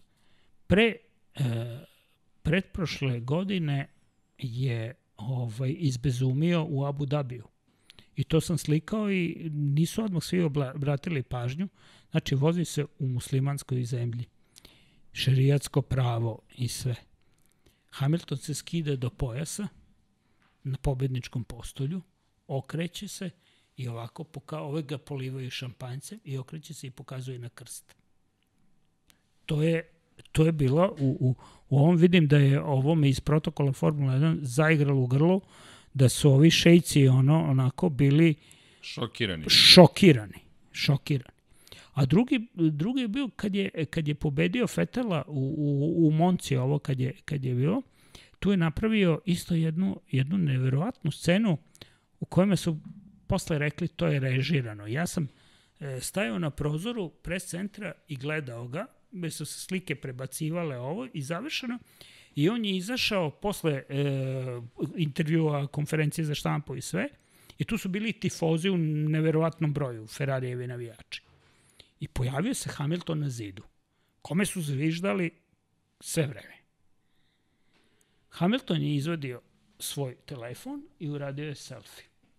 Ovako sa njima gde tifozi divljaju. Iza. Onda je dao telefon čoveku iz obezbeđenja, koji nije znao šta se dešava, okrenuo se i na leđa se bacio publiku. To nije montirano. Tu, tu nisu bili, ja smem da potpišem, kaže tu su bili ne, britanski navijači. Ne, to su bili italijanski navijači Ferrari, koji su ga dočekali na ruke, jer nisu im ni imali gde da se pomere, koji su ga malo bacali i vratili nazad na zid u sve ono obezbeđenje koje je bilo u košmaru. Dobro, to je šok, to tu više To- nemaš kontrolu nad situacijom. Da. Ni prva situacija. I on je izašao, jer on je majstor, on kad i nje, najviše mu zvižde, on izađe iz bolida i ako se vide onaj fazon, Da. pokaže tamo, pokaže tamo, kaže ovo i na kraju on u roku od 10 sekundi okrene publiku na svoju stranu. A to, ali to sam htio da ti kažem, apropo, krenuli smo od Pikija i onoga što je učinio. I sad kad pričamo o Hamiltonu, dakle, to, dakle, to su to su visoko rizični potezi. Dakle, govorimo o vrlo ozbiljnim potezima. Prvi je vrlo delikatan, dakle, i to je sad opet pitanje, da li je ispoštovao organizatore? Nije, ali je imao svoju izjavu, dakle, s obzirom na činjenicu, da, ne znam da li znaš istorijat, mi je zovemo ovo studio na kraju univerzuma, Infinity Lighthouse produkcija, jer smo da. rekli, ajmo da pričamo lepe priče, da budemo da. neki svetionik večnosti, tako malo da. neskromno smo ga nazvali, tako, Dobro. ali gde, gde god da si, dakle, da si na ako zamišljaš da si na moru, ako je lep dan, vidiš neki svetionik i kažeš, e, tamo je neka luka u kojoj se pričaju dobre priče. Ako je oluja, tamo je negde bezbedno oluja u kontekstu, dakle, nije ti dobar dan, loše se stvari događaju. Da. Tamo će opet biti neka, mi želimo da verujemo, dobra ekipa. Ili noće, ok, mogu tamo da uplovim i da prenoćim i bit će bezbedno. bezbedno. I sad o čemu pričamo? Pričamo o tome, dakle, i to smo govorili, i apropo njegovog i Black Lives Matter momenta, dakle, da. i angažmana, aktivnosti sve vere, sve rase, sve nacije, svi su dobrodošli ovde, dogod se ponašaju dobro. Dakle, to je ono što je cijela pojenta Absolutno. naše priče. I sad pričamo o nečemu što je kontroverzno. On povlači visokorizičan potez, to je njegova izjava, to, su, to je njegov stav. I onda stav, dakle, jedan je na, na, na, na religijskom nivou, drugi je na nivou pa možda i podjednako velikih strasti kada govorimo o tome kako se navija za da li Ferrari ili nekog da. drugog. I on je spreman, dakle, to da učini. To ono lice koje mi ne vidimo tako često. Često, da. To, dakle, to je sad, ovo ja se vraćam opet, ovo su korporativna lica koje vozači imaju za ono i svi su u nekim granicama i klišejima. Jedini koji izlazi je Hamilton. I može donekle da izađe Grožan. Da, to je zanimljivo. Zašto Grožan može da izađe? Zato što se njemu dešavaju najčudnije stvari, ali i on je prosto magnet za, za, za, za neke pehove i za nešto. A recimo ne vole ga baš ni, ni u Brembu zato što ima promenljiv stil kočenja i ono ne mogu da, ne mogu da pohvataju, ne mogu da pohvataju te, te, te parametre. E, ima promenljive putanje, ali mislim, mislim da ima da e, u svakom slučaju e, Hamilton tu nema konkurencije. Zapravo mislim da će imati sledeće godine kada opet dođe Alonso. Pa, eto, to je zanimljiva priča. Jer će se tu uspostaviti novi, ponovo, rivalitet, makoliko sumnjam da će sada sedmostruki šampion imati Ti si ga već krunisao. pa ja mislim realno da, da, da, da to... Vidi, mi smo ga krunisali, nećete lagati. Da. Dakle, niko od nas ne vidi tu promenu i to, to je tema o kojoj kao, kao da obilazimo ovako, ali u suštini želja mi je stvarno da čujemo tvoje priče, tebe da upoznamo, ali to je, to je sve priča o Formuli 1, dakle, mm. ovo nije privatni život, dakle, ovo je tvoj profesionalni, koliko god i bio da. lično profesionalni život i neki život koji, hajde, mogu da kažem i da govorimo i tvoje moje ime, volimo da živimo, prosto, kada uđete u medije, to, to je nešto što ili ste za to ili niste i tu nema klasičnog radnog vremena. Dakle, to radno vreme Kao koncept ne postoji. Pa ne postoji, dok imate posla i dok imate šta da... Često ne, ne, neke stvari se dešavaju upravo izvan klasičnog radnog vremena i uveče i ono da, je tako. Da, da, da, da se desi da vidite Alonca koji ulazi sa računarom u, u, u fine e, prostorije. Jesi to video? Da. To je, to, to Otišao je po, ima Wi-Fi u svojem domaćinstvu pa je svratio da... Da, da. I, i često vidite neke, mor, morate mm, da imate e, jednu dozu, kako da kažem, e, da, da poznajete stvari gde, u, kojom, u kom trenutku treba da budeš. Instinkt. Instinkt i da znaš šta se dešava na događaju. Gde su emocije, gde, e, gde, gde se najbolji ispoljava ta, ta, ta, ta srž. A to nije filmski, ne postoji neka muzika teatralna, dramatična na tom mestu. Ti dođeš da. i ništa se tu ne događa i ti stvoriš priču I, u glavi. Da, i onda se tu događa e, zapravo kreće, kreću događanja u narednih 30 sekundi i to traje možda 30 sekundi. Jasno, i, i to je i to. prošlo je. Ili si tu Jer ili... samo je taj moment kada je skinuo balaklavu, kad je skinuo potkapu, kad je ovaj, i to je samo traje 5 sekundi dok nije namestio dok e, Vettel nije namestio. Evo, Vanja pravi priču, promenio me nam je malo kadar uživo. ne znam, nešto se desilo sa kadrom, ali, da. ali nam je promenio. Ali, e, to je, kao što si rekao, to može da traje delić sekunde, 30 da. sekundi, 30 sekunde, ali ti ako imaš taj kadar, ako znaš šta se tu desilo, ako znaš da ispričaš priču, to je to. To, to je negde naš posao svi u nas. Dakle, i fotoreportere, i novinari, i komentatora, šta god da radite, to je, to, to je taj moment što kažeš, osetiti ga i predstaviti ga. Svi su gledali trku u nedelju. Svi će gledati trku, mislim, uh, nadam ono, se. i znaju, da, nadam se, i, i, i znaju šta će se događati. Da. Manje više. I, I svi su videli, recimo, svoje vremena onda pucale su gume u, u, u Silverstone. Jeste. Ali treba da vidimo šta je iza kulisa. Kako je Hamilton vozio 200 km na sat u krivini? To je S, na, na tri fenomenalno. Točka. Nema veze što je to Mercedes. To, to treba voziti, ljudi. To treba voziti. To treba povoziti. Moji, znaš, kao, to je Hamilton, pa kao on može. Pa ne znam, jeste probali da vozite putnički automobil na tri točka sa, sa, sa gumom koja je blokirala? ne. Mislim, ne, ne, iskreno, to se ne pokušava, parkiraš, staneš i to je to. E, e, mi, mi pričamo o zaista ne, nekim ozbiljnim, konačno, e, ne treba zaboraviti, Megec, Kops, uh, Bekec, to, to se prolazi bez daha. Da. Vi tu ne možete da dišete. To su takve, kri... da, ne može da se, dakle, to... Vozač uzme na, na, na, na Mi bismo popadali u nesvest, svi. svi. Pa koliko je sila zemlje ubrzanja? Bočnih. 5 sila, 5G otprilike. 5, I mi imamo, da, 5, 5, 6 ponekad. I ti sad dođeš u situaciju da to su vojni piloti de facto. Da. To su bukvalno pripreme jednog vojnog pilota. Mi kažemo da su olimpijski pripremljeni ti vozači. I sad u svemu tome ti imaš bolid koji ide na tri točka i treba da izdržiš, a juri te Max Verstappen na novim gumama. Da, koji je ono koji je gladan. Gladan, gladan je Max. Što nas dovodi, vratit ćemo se, ja se nadam još neke priče, izvini, malo duže kod nas sve traje, ali pričamo. Kada pogledaš i, i sad ovu eru Mercedesa i, i Hamiltona, često govorimo o tome, mi se često bavimo Ferrarijem. Zašto? Ferrari je istorijski najveći tim koji imamo u Formuli 1. Dakle, to je, istorija Formula 1 je direktno povezana sa istorijom Ferrarija. I često gledamo u njihovom smeru kao odgovor na to što trenutno dominira Mercedes. Da li će odgovoriti ili ne. Gledamo i ka Red Bullu, kao ljudima koji su u prethodnoj deceniji u prvoj polovini dominirali, kao timu koji ima jednog Adriana Newija, ozbiljne sponzore, to jest sponzor je vlasnik, da.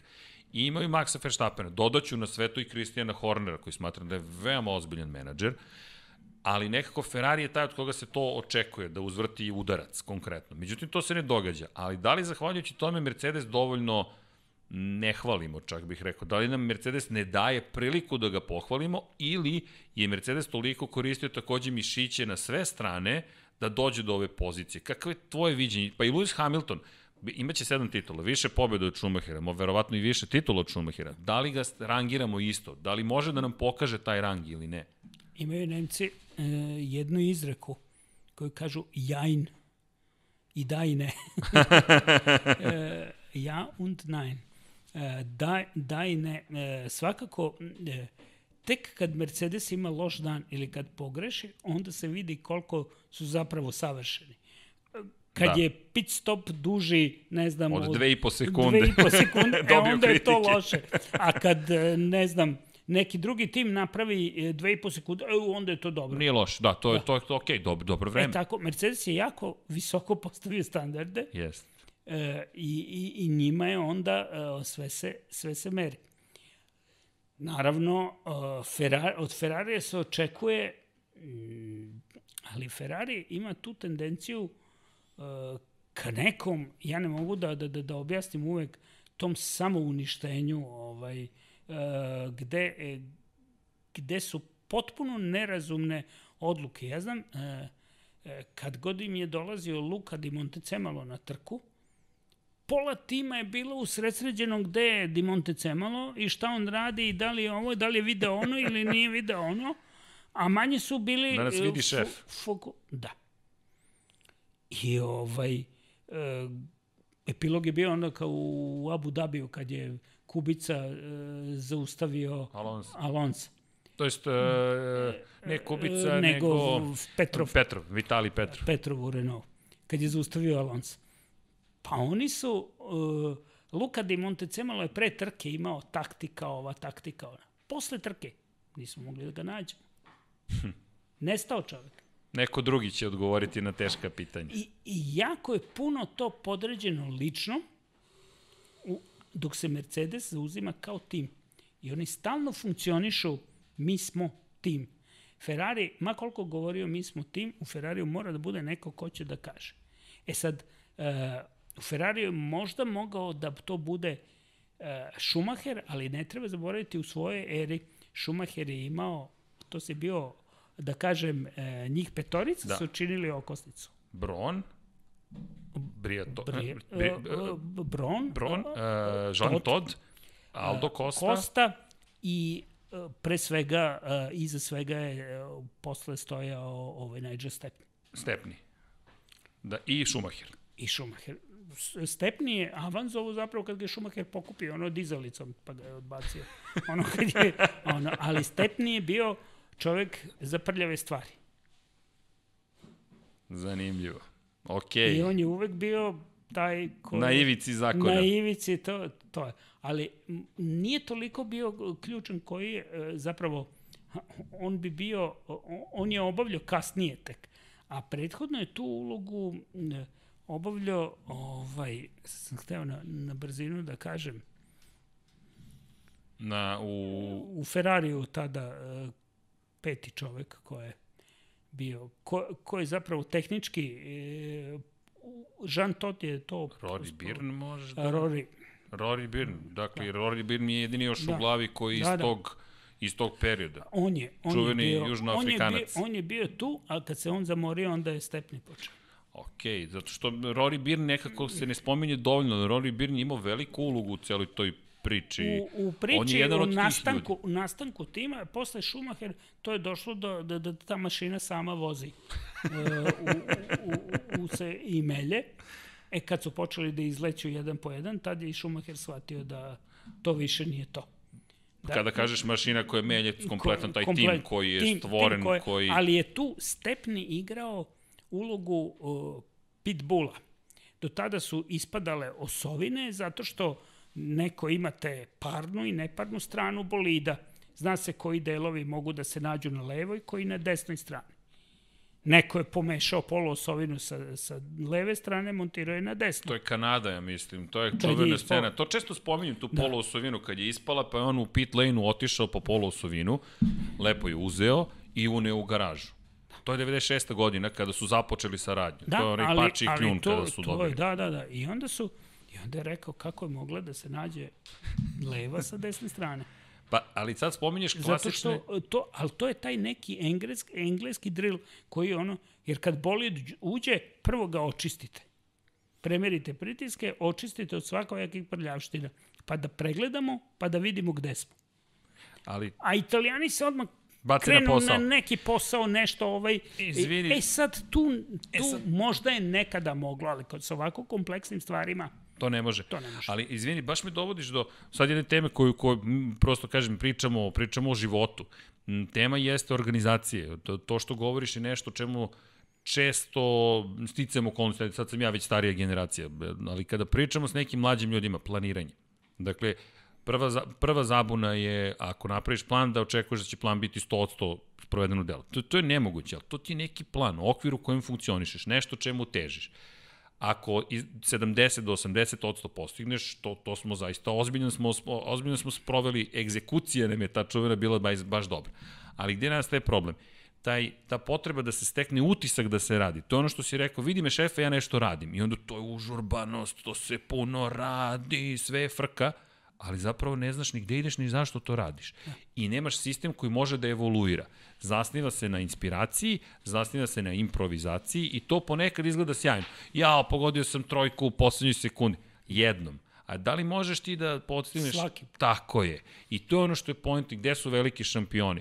Zašto spominjemo sve te koji imaju trajnost? Baš zbog toga koliko je teško iz dana u dan, iz dana u dan i prilagođavati se i menjati, a opet ostati isti u suštini. Suština pobednik, da težiš tom triumfu i koju žrtvu si spreman da podneseš, pa uključujući to da evoluiraš na jednom organizacijalnom nivou, da kažeš čekajte, ovo ne funkcioniše. Kao Ducati kada ih je Audi preuzeo, Mi sad ne govorimo o Ducati u Moto Grand Prix, govorimo o njihovoj mreži rezervnih delova. Ko zna, Ducati sa rezervnim delovima ozbiljne probleme pre dolaska Audija koji je rekao ne, ne, ne, ne, Ne, tako. ne, ne, to, to po prijatelju, to tako ne radi. I, I to može da se vidi u toj evoluciji poslovnosti zapravo. E to mislim zaista da, da baš si lepo na, i rekao, ja samo sad da, e, e, ajde, ekspoziciju imam. U suštini, o čemu se radi? Schumacher, Birn, Birn, on je Barnard, ako se dobro sećam, zamenio. Dakle, da. Barnard koji je dosta jedno veliko ime, U konstruktorskoj John Barnard je onako, on je osmišljavao McLarene koji su pobeđivali. On je prvi uveo zapravo ugljenična vlakna, vlakna. u primjenu. I to je čovek koga je Schumacher smenio. Schumacher je prišao... Rekao, ok, prešlo te vreme. Tako je. Rory Byrne dolazi, Ferrari odustaje od V12 motora, nema više V12-ica, to je naše nasledđe, mi proizvodimo V12-ice, super, ali, ali Renault... Ali uvideli su potrebu da se menjaju i nisu se libili toga. To. I prihvatili su vodstvo Schumachera. Zapravo, vodstvo cele, jer oni su funkcionisali, ta petorka je funkcionisala kao tim. Da, to je pravi tim. To, to je bio pravi tim. I ti ljudi su verovali tom timu. Znači, ako kaže da treba da se oliže ova strana garaže, oni su olizali do, do, do ali e, nisu, ni, ni, nisu, kasnije u Ferrariju bilo podređeno, kad je došao Alonso, to je drugi tip e, čoveka. Ličnost, drugačije. Potpuno. Alonso e, nije omiljen među, da se mi razumemo. Ne, nije popularna osoba. Uopšte, ovaj, od načina na kako je došlo, razlaza ovog onog što je, sve što se sve što je ostalo de, de, de, i dešavalo, dešavalo se, da. se, to nisu lepe stvari. Mislim, iskreno moram da kažem. Jasno. Tako da, da, da, da, I sad ovo, da li se Renault usrećio sa njim?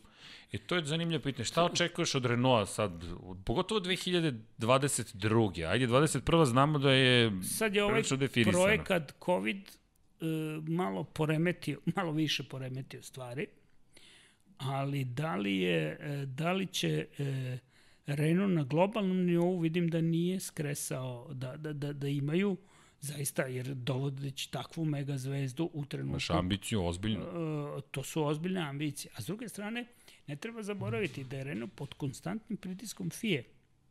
Renault ima puno nižih serija za koje on isporučuje motore, šasije, razne delove i to. I to je ozbiljan biznis Renault Sport odeljenje. Nije mala stvar. Nije mala stvar. Izgubiti to utiče to, na bottom će line. Neko drugi, neko drugi prihode. će dobiti taj posao. Tako je. I jedva čeka da ga dobije. Mislim, što ne bi samo Dalara proizvodila? Koja proizvodi već. Formula 2, Formula već. 3, tu su i to su da. ozbiljne takmičenja. Da, a da ne kažem šta, Mercedes možda nema tu intenciju da ostane sa timom kasnije, ali zato se gleda na Aston Martin koji je sestra Pa to je, ajde, pokrivamo teme. Aston Martin i je li istina to što kažu da nije toliko zadovoljno Mercedes što Toto Wolff ulazi u Aston Martin ili je to sve deo plana, to jest igre u pa suštini? Pa dobro, ali Toto Wolffa ima svuda gde je. Pa, Dosta je prisutan. A on je i Bottasov menadžer i Okonov i, yes. i, ovaj, i, i ima 10% u, u sada u ovome ne Williamsu odatle izašao, nego u, u, u Racing Pointu. Racing Pointu I, mislim, on prosto čovek gleda... Ima opcije. Da. A dobro, njegova supruga je u Formuli E. Dakle, budimo realni, dakle, porodični ali, biznis. ali nje, devojačko prezime njegove supruge... Stodart. Tako je. A zna se šta radi Stodart? On radi transport i logistiku. Okay. Dakle, za, ok, sad širiš priču još da... da, ali, ali sve to se mora... Treba, treba, mora to, to mora jeste po, poenta. Zašto je Berger ovaj, uh, važan u, u Toro? Ne zato što je Berger bio vozač svoje vreme. Kao zbog zasluga. Nije. Nije. Ne treba zaboraviti, Berger je od oca nasledio autotransportno preduzeće.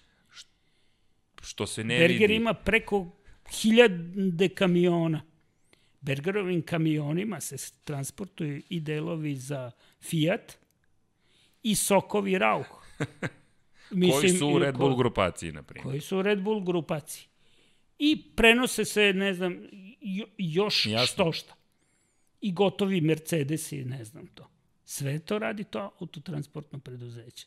I on je uvezan, svi su oni kroz neke svoje bočne biznise. Tako lateralne veze. Da, da Popularni lateralne naziv. veze, da, da oni imaju, imaju svoj interes za, za, za održanjem nekog, sistema. Tog sistema. Pa da.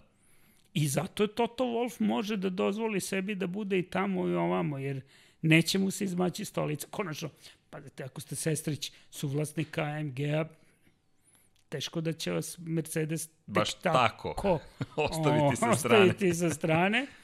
Osim ako vi ne kažete, ok, ja bi sad da probam nešto, nešto drugo. Ali e, hoću da kažem da, da, da ima puno ljudi koji su tu e, vezani za neke e, publici manje vidljive poslove. Ali veliki poslovi. Ali ogromno. To su veliki poslovi. Mi ne pričamo o malim parama Da. i o malom uticaju. Ne, ne. I taj ugovor želite da zadržite. Što nas dovodi do tog momenta kompromisa. Ja tebi, ti meni, evo, Concord je potpisan, dakle, Pa da. još uvijek ne znam šta su sve dogovorili, ko je šta dao, ali nemoguće da se tek tako potpisalo. Dakle, i pritisak koji I to vrše vrlo brzo su kao za sedam dana odlaganja. Dakle, do, do prošle nedelje nismo mogli se dogovoriti, odnosno smo se po sledeće Pa nedelje dobro, dobro mislim da je to bila i priča za medije malo, da, da, da, da se duže priča o tome, jer eto, sad treba Da bi skinuti se fokus. sa- Eklestonov moment, ajmo da pričamo. Da, da, da, da, da, da. Pa, uh, uh, ne treba zaboraviti da je uh, taj sistem PR i to Liberty Media koja je nasledila, ona je angažovala neke ključne Eklestonove ljude. Zadržala je osnovu. Osnovu. Angažovala je Oni još su- veći broj dodatnih Oni, ljudi. oni su kao, pa idemo na nove medije i to. Ali e, e, shvatili su da ne mogu bez Ecclestonovog know-howa. Jer kad su kupili Formulu 1, Da. oni su ušli u Princess Gate, Gate 2 u Londonu, u zgradu, i tamo su zatekli sekretaricu, jedan kompjuter, radnu sobu, drugi kompjuter. Pet ljudi. Formula 1 I management. ono, Ukupno. ono ukupno što, što je bilo. I onda su rekli, pa gde su ljudi? Pa kaže, to, to je ljudi. A gde su ugovor, gde su sporazumi? Pa to je kod Bernije. On njima nije prodao know-how. Ne. On je, imate ugovor, imate ugovor Sve sa što Tur- ste kupili ste Šta sam dobili. ja dogovorio sa Turskom? To sam ja dogovorio. Da, Bernie je na To- specifičan način to ćemo- organizovao biznis. To ćemo dru, to ćemo drugom... drugom prilikom da ispregovaramo. da, To su da, drugi to, pregovori. To nije, to nije za sad. E sad se Turska kao vraća u kalendar. Ne kao, Da, mislim, vraća, evo, evo sad izvini, da, da, evo imamo potvrdu, dakle, kada je reč o kalendaru, Turska se vratila, dakle, to je potvrđeno, o tome smo pričali i evo, dakle, 17 trka ćemo imati, dakle, Turska se vratila, Istanbul Park, 15. novembar. Dve nedelje po završetku trke u Imoli. Imola u 1. novembra, ja ne znam uz, kako će sa to da izgleda. snegom. Da, Neće sa biti dobro, ali Da, mislim neće biti snega svakako tamo, ali Neće, više e, neće. Ali je da, ali je sad samo je pitanje da li će se sa publikom pošto je veliki pritisak. Da, to smo spominjali pre što počeli da snimamo. Italijani za Mizano i veliku nagradu zapravo San Marino ime insistiraju- 10.000 gledalaca će imati. A s druge strane, World Superbike izbegava, svetski šampionat Superbike izbegava Mizano jer ne želi da dok traje pandemija bude tu. Ali, ali, ali to nije sve. Bahrein, dve trke, Šakir staza. Da. I da vidimo da li će biti te priče potvrđene u različitim konfiguracijama. Ja, ja bih volao iskreno. Da, a, to, Da vidimo. to u punoj meri, Šakir je nažalost jedna tako, da kažem, nesrećena trka u kojoj se odigrava gde imate više personala a, nego publike. To pa To je, podsjeća na veliku nagradu Katara u Moto Grand Prix. ono 8000 gledalaca može da stane na stazu. Dođe ono... Dođe 500 ljudi. Ko mora i 800. ko ne zna, ono, bukvalno je za, zaluta ispod nivoa mora. Ali, prelepe scene, popaljeni To reflektori, se, to se sunce. dobro, da, to je, to je ovako. E, interesantno je bilo, mislim, e, ne znam kako će se dalje provlačiti sa ovim, e, jer fali treći kontinent. E, izvini, samo još jedna stvar. I, i Jas Marina je potvrđena za 30. Da. decembar. Sad, to je... To smo e, očekivali, ono, veliko to- to finale. Plaćaju bilo- mnogo para za to mnogo veliko se tu finale. ostavlja para, tako da da me to, to ni ne čudi. E sad, uz kakve restrikcije će biti? Ne treba zaboraviti opet da su u Emiratima nešto što u Dubaju možete, u, Kat, u, U Abu Dhabiju ne Abu možete, Dhabi ne da. možete. I vrlo su različite, a sad Abu Dhabi je najveći tamo e, oni kao pretenduju da budu turistički. Ne, mislim, Biće vrlo zaista, zahtevno i striktne su vrlo pravila, Jer ali tu se staza uh, vozi pored hotela. da, Kako ćete kroz vi... hotel. Pa, kroz hotel praktično. Zanimljivo, zanimljivo i priča, ne znam da li znaš kako je nastao e, kada su vlasnici e, Marin, kako je nastala cela staza i to. Ne, iskreno celu genezu ne znam. Zakulisna priča je da su svoje vremeno Arapi, ta porodica kraljevska koja je odlučila, dobili u Monaku i želeli su da takvu trku organizuju u ovom, u, kod sebe. Imali su ostrvo. Da. I na tom ostrvu je bio planiran hotel i, mani, i marina. Ali marinu su konstruisali tako što su oni prvo iskopali i sredili svu inf infrastrukturu, onda su pustili vodu. Ok. ok, Jer suvi dok. jer Suvi dok. Tako im je, mo, može im se. ok, mogućnosti su Nisu tu. morali, nisu morali da, da ne komplikujemo. E, hteli su i da to oplemene još nekom stazom. Tu. I onda su rekli od Bernija, tu pregovarali sa njima, s obzirom Berni kad je od njuša koliko imaju para i to, rekao nisam ja nadležan, bolje je da vi vidite sa Hermanom Tilke. Tilkijom. I Tilke je onda uzeo nacrto, ali kaže, taj hotel nije odgovarao kako on da bude sada na ovome, pa je on uzeo pa ga je razvukao, bukvalno od gline, onaj projekat za, za večerom i od Pirea, ono, napravio Kaže, ovako bi mogao da izgleda, a da staza rep, ono ide... iz, Da, da, da. ptiče perspektive. Da, da, da, kao da ovuda da ide staza. Onda su ovi rekli, pa Ok, dobro, ok. nama to sad da će ovako, ovako hotel izgledati i sve. I onda je napravljena, na, napravljen ceo projekat Jas Ostrva koji je Jeste. zabavni. ovo, Ferrarijev centar sve. sa strane, zvezda, ona morska. Tu je, da, da, da. Ferrari ona kao, World. u, u zvezdi tu se bukvalno ulazi u, u to. Najbrži roller coaster na svetu. Da. I to je, to je prosto uh, podređeno, podređeno toj zabavi. Pre svega tu je i Warner Bros. Studio i, i Tom i Jerry, mislim i svi ostali crtani junaci i shopping centri. i ono, Jer, mm, e sad, kako bi to izgledalo bez publike? Hm, to je... Uh, I ti koji dolaze tamo, mm, to su mahom stranci Koji žive u Abu Dhabi. koji žive u Abu Da, Dhabi, koji ekspatovi. prate više Da. da. Formulu 1. I dobro veliko je finale, ali to je veliki turistički stvarno biznis. Dakle, kupujete turistički aranžman da na jahti pratite veliku završnicu šampionata sveta Formula 1. Bernijevi pokušaj da budu dvostruki poeni je Da, to- to. sveden na to zapravo da bi u Abu Dhabi uvek bila borba za titulu šampiona da. sveta. To je, to je, da se, možemo sad da, uvijamo reči. ali generalno je staza l, l, mislim, Nedovoljno a, dobra. Nedovoljno dobra, da, da kažem. Ona je fantastična eufemizam. za, ona je fantastična za ove neke te propagandne aktivnosti, e, to, jer sećam se kad je Pirelli ulazio u Formulu 1, onda smo bili tamo četiri dana, vozili smo sve što se moglo voziti na toj stazi, uključujući što su nas vozili i u Formuli 1, onom dvosedu. I kakav je osjećaj? I, um, pa, a, nije, ono što je e, frapantno jeste to da ne možete u određenim krivinama da dišete i kočenje koje je brutalno. E, ima osjećaj, imate š, da ćete napustiti ja, očne jabučice. Da, jagular, znam da se zalepi. Nema disanja. Izvini, i vozili ste tada u E, sve. I ta, ali e, ta staza ima samo jednu trkačku liniju, ona je motostaza.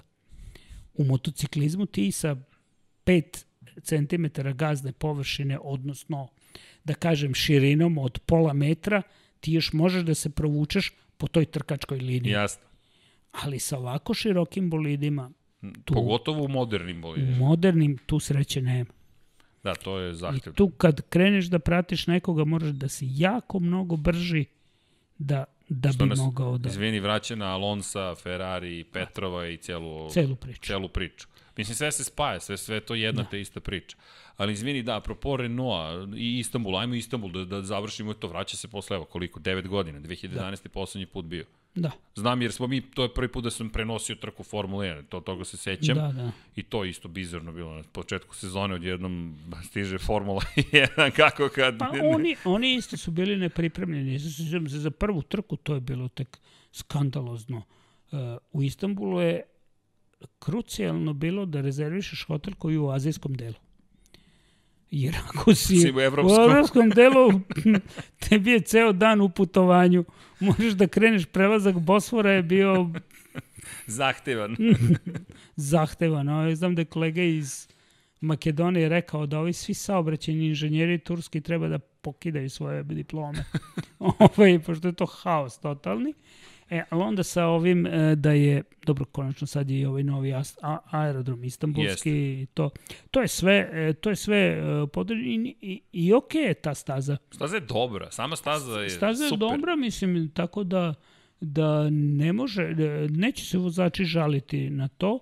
Pirelli će možda imati problem sa prednjom desnom gumom, da je to, da će to, To biti da opterećenje, ona dupla, odnosno 8 krivina 8 m, prva, druga, treća, četvrta krivina koja se nastao, sve je faktički Jedna, jedna krivina. krivina, koja se Jeste. vozi jedna, pogotovo sa ovim uh, novim sada brzinama Jeste. i to, to će biti izazov.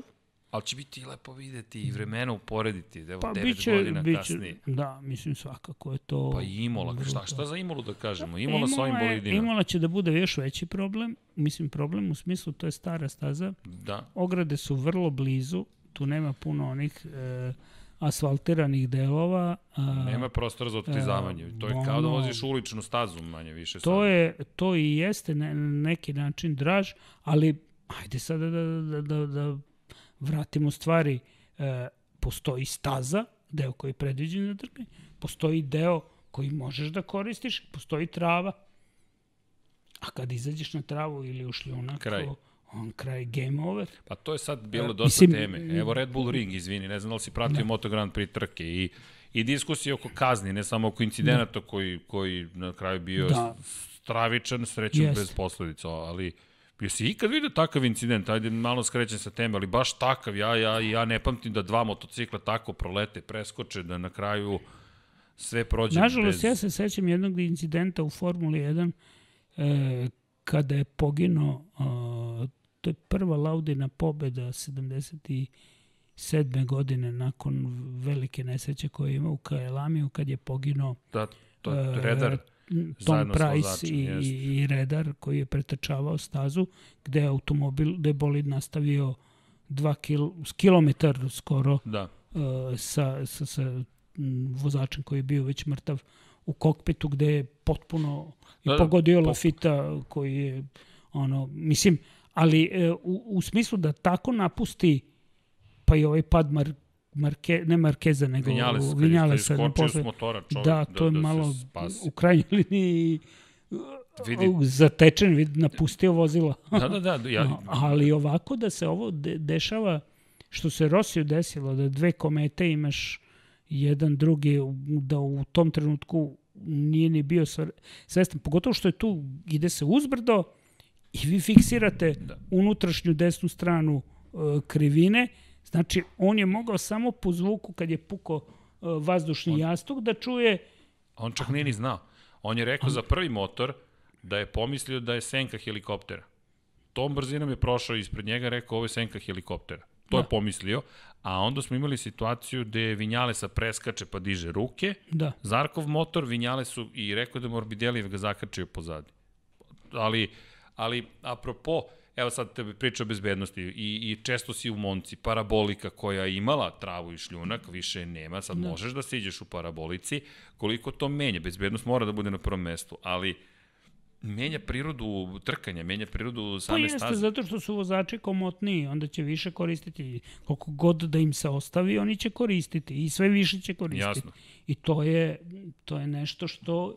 A priroda stvari, ti si trkač, želiš, aha, Da, imam još po 5 metara, 3 metra, pola metra, hvala. Ali to se opet, dobro, u, u Red Bullu su malo to, na Red Bull ringu su malo to drastično rešavali kada su stavljali one različite e, krpsove ivičnjake koji su Da. lomili. Da, to, to je baš bilo To, problematično. to je baš bilo problematično i oni su morali da, da, da izbegavaju. Timovi su se bunili, mada ja ne vidim baš preterano razloga uh, treba da postoji neka barijera koja će odvraćati vozače. Konačno, kada se rade treninzi ove vožnje i, i, i sve, vama je dovoljno da stavite čunj, običan čunj, tamo gde ne želite da idu, e, u ljudskoj psihi je to da izbegavate. Jasno. I gro ljudi će bežati od, od njega.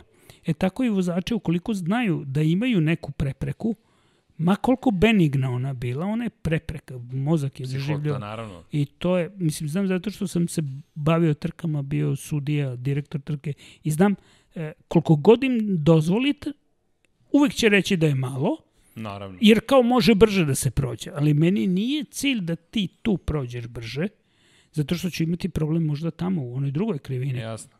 U to, da, da te, te, tema je kompleksna. Ono što je bitno, moramo se bavimo njome. To je pogotovo Moto Grand Prix, moraju da se pozabave Red Bull Gde Ring. se mm, golim telom ide, tu su Da. ograde metalne, bez obzira koliko bi stavili e, Da, vazdušni zid se stavlja. zid, ali trava koja bude mokra od rose ujutru, vozač kada padne dobije samo dodatnu brzinu na, na, na njoj. Pa nažalost, Luisa Saloma smo izgubili u Barceloni, zahvaljujući činjenici da nije više bilo šljunka, nego je imao samo beton, to je asfalt. Po kojem on je klizao. On je samo klizao i njemu se odbio motocikl od odbojne ograde da. i vazdušnog jastuka koji je motocikl izbušio umeđu vremenu Da. i vratio se direktno nazad.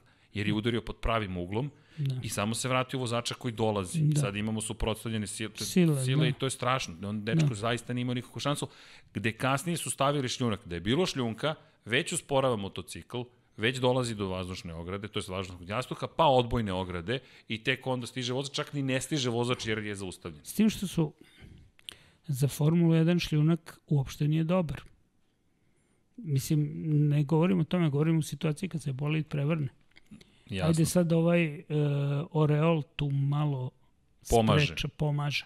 Ali ranije je tako bio problem. Poginuo je onaj Gonzalo Rodriguez, to se sećam u, u Vadičepu u Indiju, gde je udario u ogradu.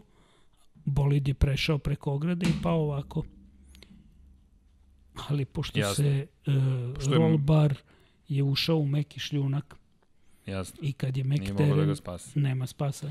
Da, da, to su problemi s To kojima su- se suočavaju. Dro, Dromo je meni zanimljiv, izvidi. E, spomenuo si Tilkija malo pre. E, Ja imam malo problem sa Tilkijevim stazama. E, Prosto, ajde na stranu što su sve pres, što su u velikoj meri preslikane, nego jednostavno kao da ono što si malo pre rekao, uvijek imaš samo jednu putanju koju možeš da koristiš i to je najveća moja zamerka, iako mu je Malezija vrlo dobra staza, Malezija Kuala Lumpur koju je napravio prvu zapravo od većih staza, ja više volim Jarna Zafelije, moram ti priznati njegov dromov, p- Da. konstruktorski biro, kao da se više trudi da zaista bude trkačka pista. Pa, uh, Tilke gleda da to bude više komercijalno i da bude uh, taj efekat kako, ćemo, kako će to izgledati opšti utisak. A imam utisak da se manje bavi e, šta će se de, događati na, na, Na samoj stazi. On ima one zahteve za bezbednošću koje treba da ispuni Naravno. i to, to ok radi.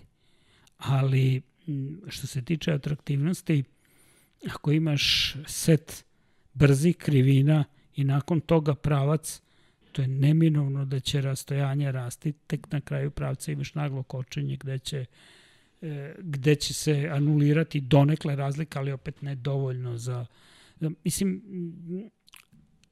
ali ključ svega je da fo, u Formuli 1, i to sad nadamo da će sad sa ovom promenom pravila otići u pravom, znači da ćemo vratiti ground Ne efekat, možeš da pratiš prosto vozače da koji se će nalaze moći da ispred se prate bolidi na manjem rastojanju. To je neophodno. Te- a Trenutno je to nemoguće. Gotovo nemoguće. Jednostavno dolazimo od toga da DRS može jedini da nam pomogne da dođemo u situaciju da se, da se desi preticanje. Tako. Tako da to jeste problem. E, Izvini da te pitam još par stvari, da iskoristim nekako, im- sve smo pokrili ili skačemo s teme na teme, nemoguće, prosto se Da. otvaraju priče. Ali samo kratko, a, ako, ako možemo još da, da, da iskoristimo Da, da, tvoje prisustvo.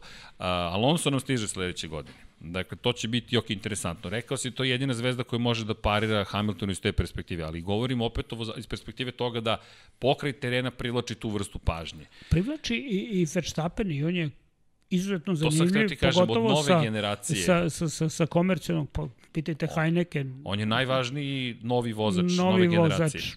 Da. I često ga spominjem jer govorimo o, o, o starijoj generaciji.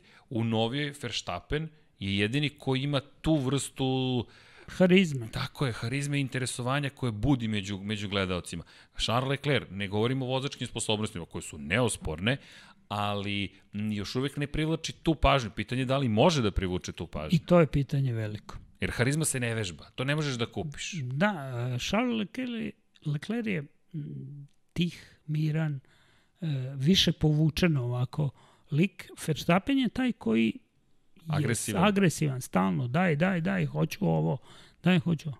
E sad, e, problem je tada ega u ekipi, problem je kad u jednom momentu on počinje da, da kažem, nervira ekipu u, u, u smislu uh, ok, pritiska. pritiska, ali nemoj pritiskati, znamo zašto ne može ovo ili ono da se E, opet, da, to, to, to nismo završili. Mercedes koji je toliko savršen te tera da ti budeš savršen. Da. Dakle, ne samo Red Bull, i Honda i Red Bull i onda njihova sinergija, to jest njihova njihov zajednički proizvod da bude toliko savršen. A Japanci koji imaju jake ožiljke od uh, McLarena i, I Alonsa. I Alonsa i, i od svega, znači dosta su bojažljivi. A... Sa, sa, sa tim, tako da Vidjet ćemo kako će se stvari razvijeti. 2022. to, kao što si rekao, može biti vrlo da, interesantno. Interesantno što se tiče tih promena pravila. I šta misliš, Mercedes hoće li ostati ili ne? Negde se već i mi o tome pričamo, mi verujemo da će McLaren Mercedes biti budućnost. Pa to je, to je da, a s tim što će opet zadržati uh, B ekipu kao Aston Martin, jer tu već sarađuju na drumskim automobilima, serijskim automobilima, tu je već postoji. Postoji jako saglasje u, u svemu, tako da, da gledat će, ako ništa drugo, da zadrže, da zadrže taj uticaj koji, koji imaju. I šta ćemo s Fetelom kad potpiše ugovor za Aston Martin? Pa to je, to je san da se nemački vozač nađe u, u nemačkom bolidu. A ako što bi uh, Hamiltonu bio san da, da jednog dana vozi Ferrari. Ali Hamilton želi da pobeđuje a ne da se voze u Ferrari. I gde onda dolazimo?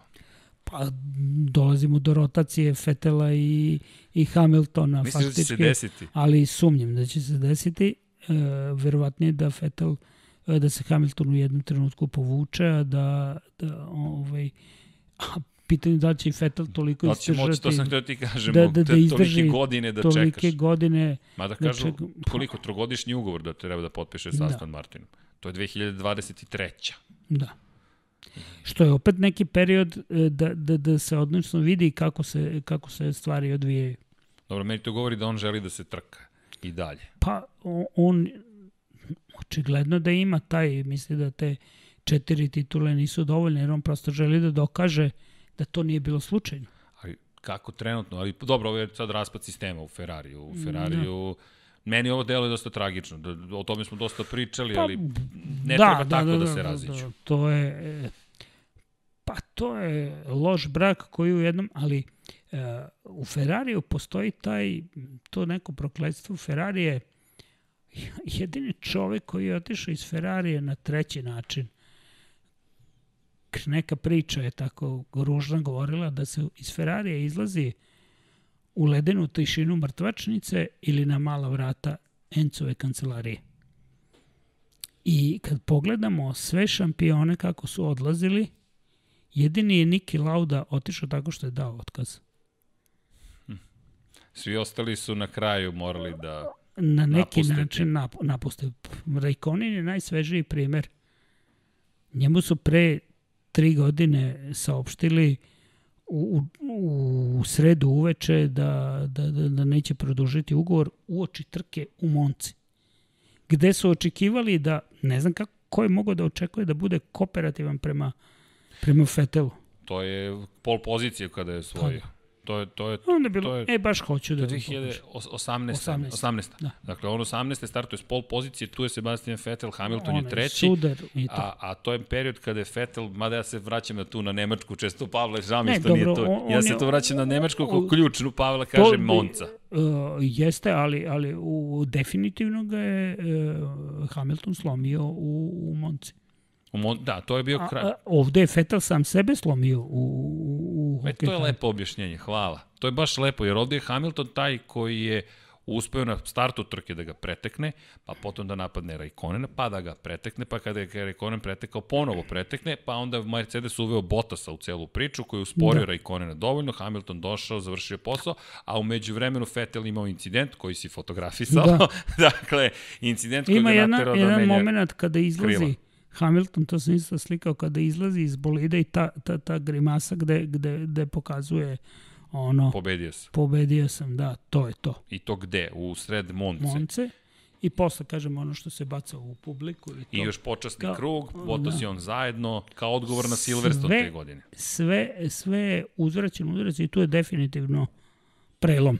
Jel ti liče na Imperiju? Spominješ uzvrće udarac. Meni s ovim crnim bolidima stvarno kao da su izašli iz zvezdanih ratova, Ma, da, kao da, da, je da, taj da. fajter u pitanju. Sad vidjet ćemo koliko će Bottas izdržati da se kuva u tome. Evo sad idu već hladnije trke. Pa. Da, rekao da mu je bilo previše vruće. Ali dobro, Bottas, to smo isto diskutovali, Pavel ima jedan malo teži izraz za Valterija Bottasa. Rekao, izgleda kao i Kebana u celom, celom, celom tom procesu. Mislim, iskreno, da se slažemo. Uh, Bottas je čovek zadatka i njemu će, ako se da ovaj zadatak ili onaj, on će to izdrža, izvršavati.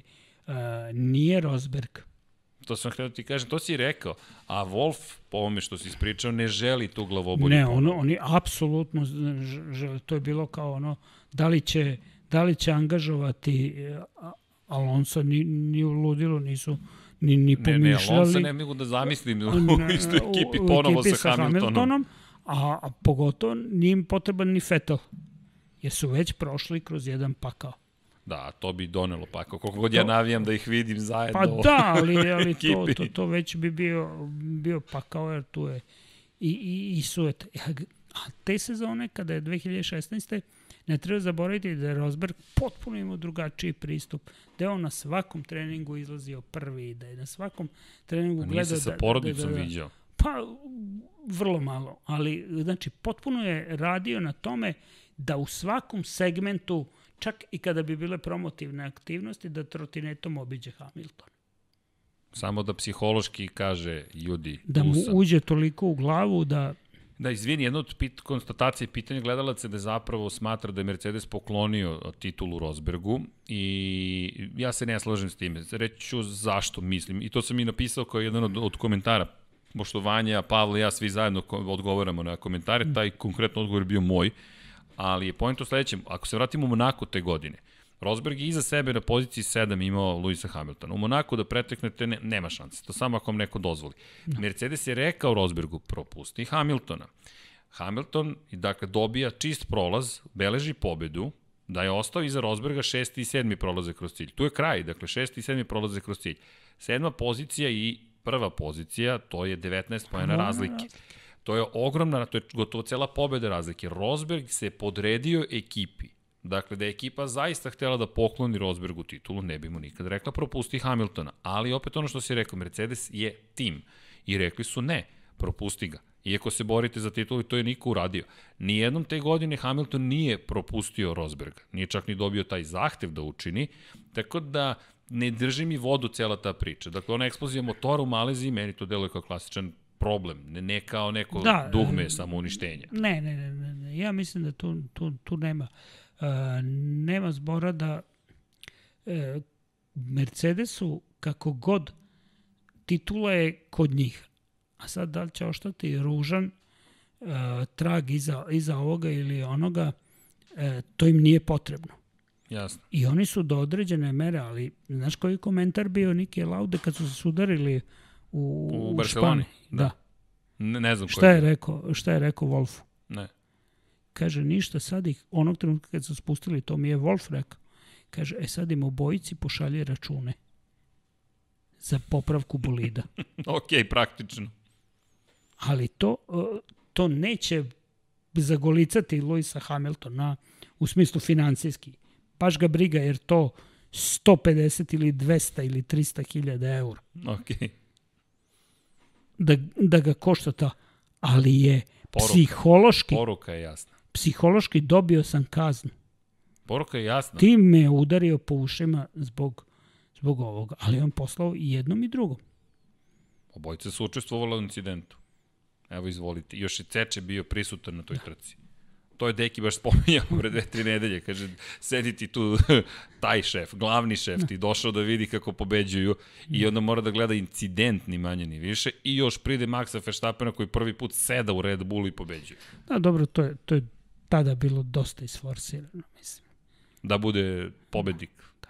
A dobro, ali Kimi ga nije napao ni jednom. To. Ali nije, nije ga Kimi, ali su zašto su rekli Ricardo, ajde dođi u gume, e, pa imaš... Drugačija strategija. Ovde je dru, drugačija. I on pitao, pa dobro, a zašto? Pa, dešava se. Dobro, Ricardo, to znamo. Da, i da li si mišljenja da zaista razvijaju bolid isključivo za Maxa, pošto se ni Alex Albon ne snalazi, ni Pierre Gasly se ne snalazi, ili je to Podređen, samo... To je, to, to je sve podređeno. Maxu Verstappen. Maxu Verstappen.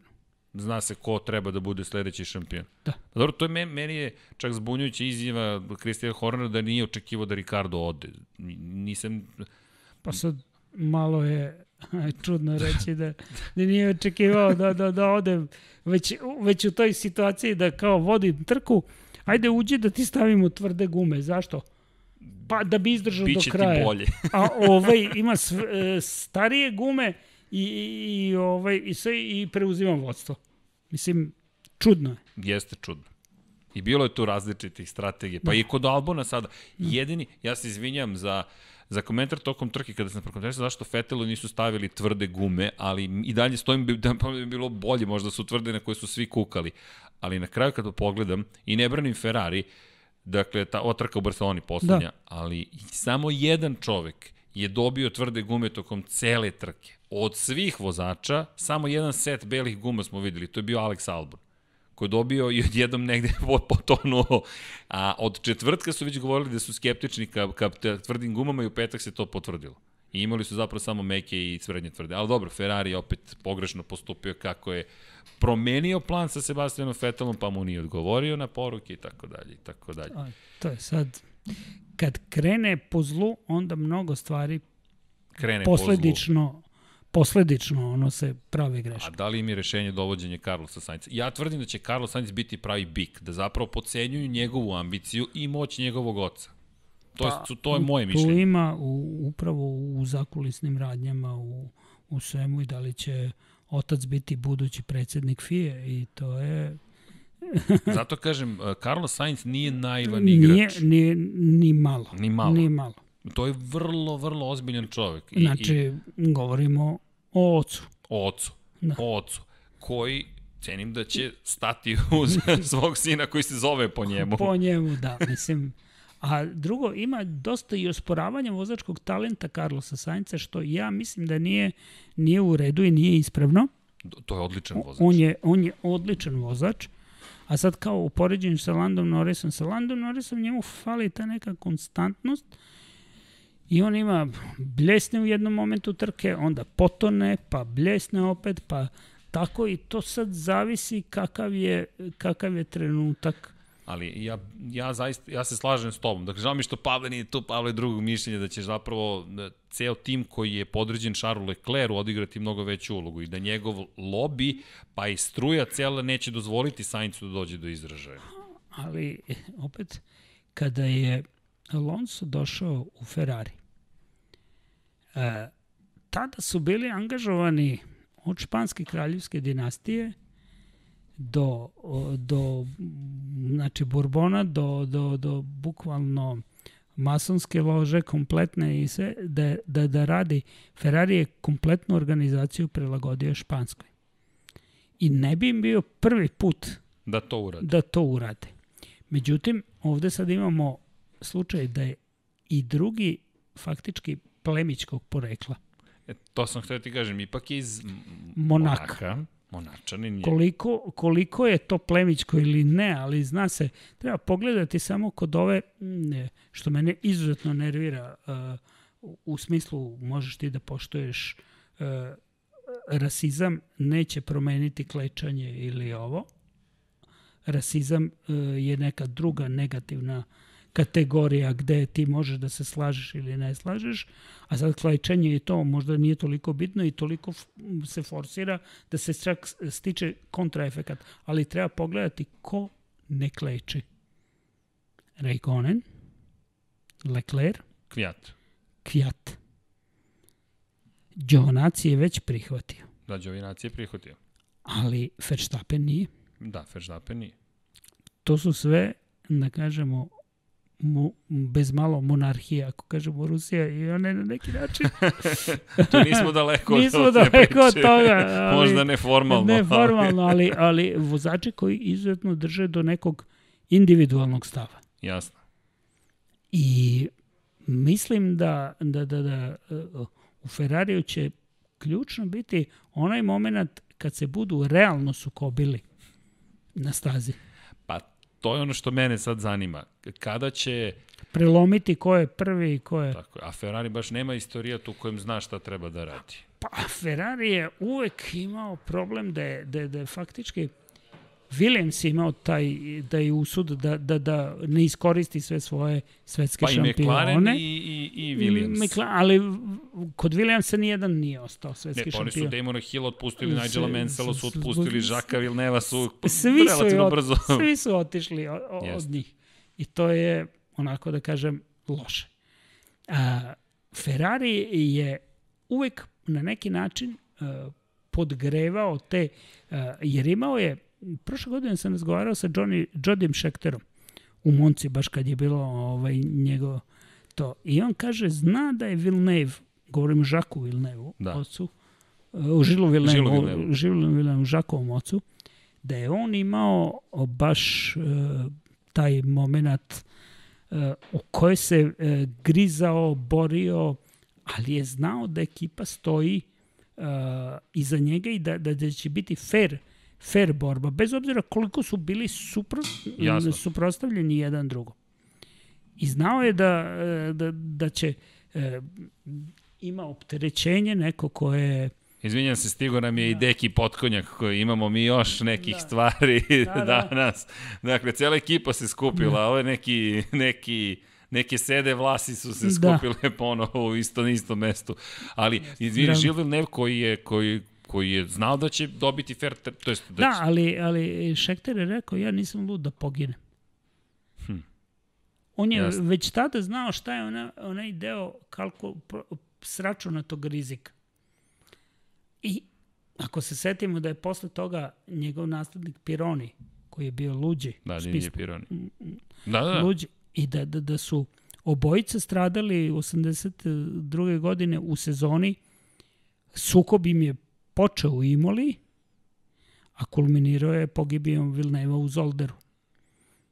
Kada je mm, Vilnev gonio vreme koje nije mogao da, da, da, da izgoni, ali da bi samo bio ispred na startu Govorimo o kvalifikacijama. u dakle, kvalifikacijama su gde, gde, gde je mogao da, da, da bude u nekom trenutku, a to je bio trkač koji je, čovek koji je želeo da uvek bude najbrži, a pogotovo da bude brži od timskog kolege.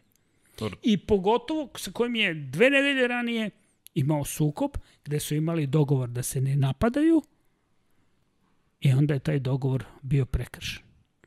I onda je krenulo bez, Krenuo je bez rukavica. Da. To me podsjeća opet, Senina knjiga je tu, Sena, Prost, do, dosta priča kasnije koje se... E, S tim što je kod Prosta uvek bila ona zaleđina Belestra. Da, Jean, Jean Marie Brest je bio nepristojan prema svojim Krajnje. vozačima. To, to Krajnje. je katastrofa što je on govorio. U, ali čudi me, i, i Sena je zato i kažnjena one godine i zato je ona čuvena rečenica bila no way. Ovaj put neće, Neće. biti tako. I incident drugi. Da, jer, jer su oni sipali uh, manje goriva u ovaj auto znajući da, da će odmah na startu biti. Samo da bude što Da uštedi lakše i da, da- da, da, da, da da, pobegne da, da, da ne može da mu da ne može pobegne. mu pobegne. Tako da su, to kažu kao zli jezici, ali uh, Ne bi bilo ovaj iznenađenje. Joe Ramirez nikad nije, nije, nikad nije to. Joe Ramirez je čovek koji je Ču, čuveni koji je... e, sa Senom uvek Jeste, prošao mnogo. njegova knjiga je Da. kraj, nemamo je u biblioteci, to će morati, to, to mora da to mora da se reši. Ali mm. Joe Ramirez koji je rekao da je njegov zapravo najveća greška u karijeri što je vratio Nigela Mansella u, u Formula 1, to jest u McLaren kad je došao kratko Mansell. Pa dobro, ali se tada nije moglo da stane. Prvo nije moglo da stane, stane onaj motor Jeste, Peugeota, Peugeot, pa onda da. nije moglo da stane Mansell, pa da imate problem e, sa, sa, sa, sa dimenzijama. Pa i sa kvačilom je priča. Tad su počeli da odustaju od kvačila koje se koristi nožnog. Da. I Mansell koji je rekao, ja, ja sad treba da kočim levom nogom, ljudi. Da. Celu karijeru sam koristio tri pedale. Da, ono, to, to, to mu je bilo potpuno strano. Onda e, ima lepa anegdota vezana za, za, za upravo za Mansella. Kada je u Ferrariju radio, pored Miodraga Kotora koji kasnije došao, tada je radio još jedan novosađanin, Nebojša Borković, koji je radio na razvoju menjača i to. I sad, e, trebalo je da drže e, bolid pre nego što, što krene, uvek neko je morao da stane, jer onog trenutka kad on ubaci iz lera u to, bolid bi krenuo. krenuo da, da, da. I onda su oni vukli slamku ko će da izađe i da stane ispred Mensela kad je prelazio na ovo kvačilo ručno. U Portugalu, pošto je na kontra stranu ima pad, boksa, onda su oni izvlačili slamku, ko će da izađe ovaj, pred Mensela da stane da, da ga ne satre.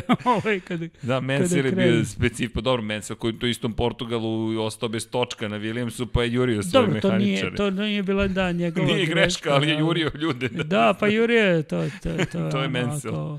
Bio, ali on je imao vizir dovde, zato je I to, to je čuveno. On je video samo ono svoje, svoje polje, ali je bio... Mm, bio je velik vozač.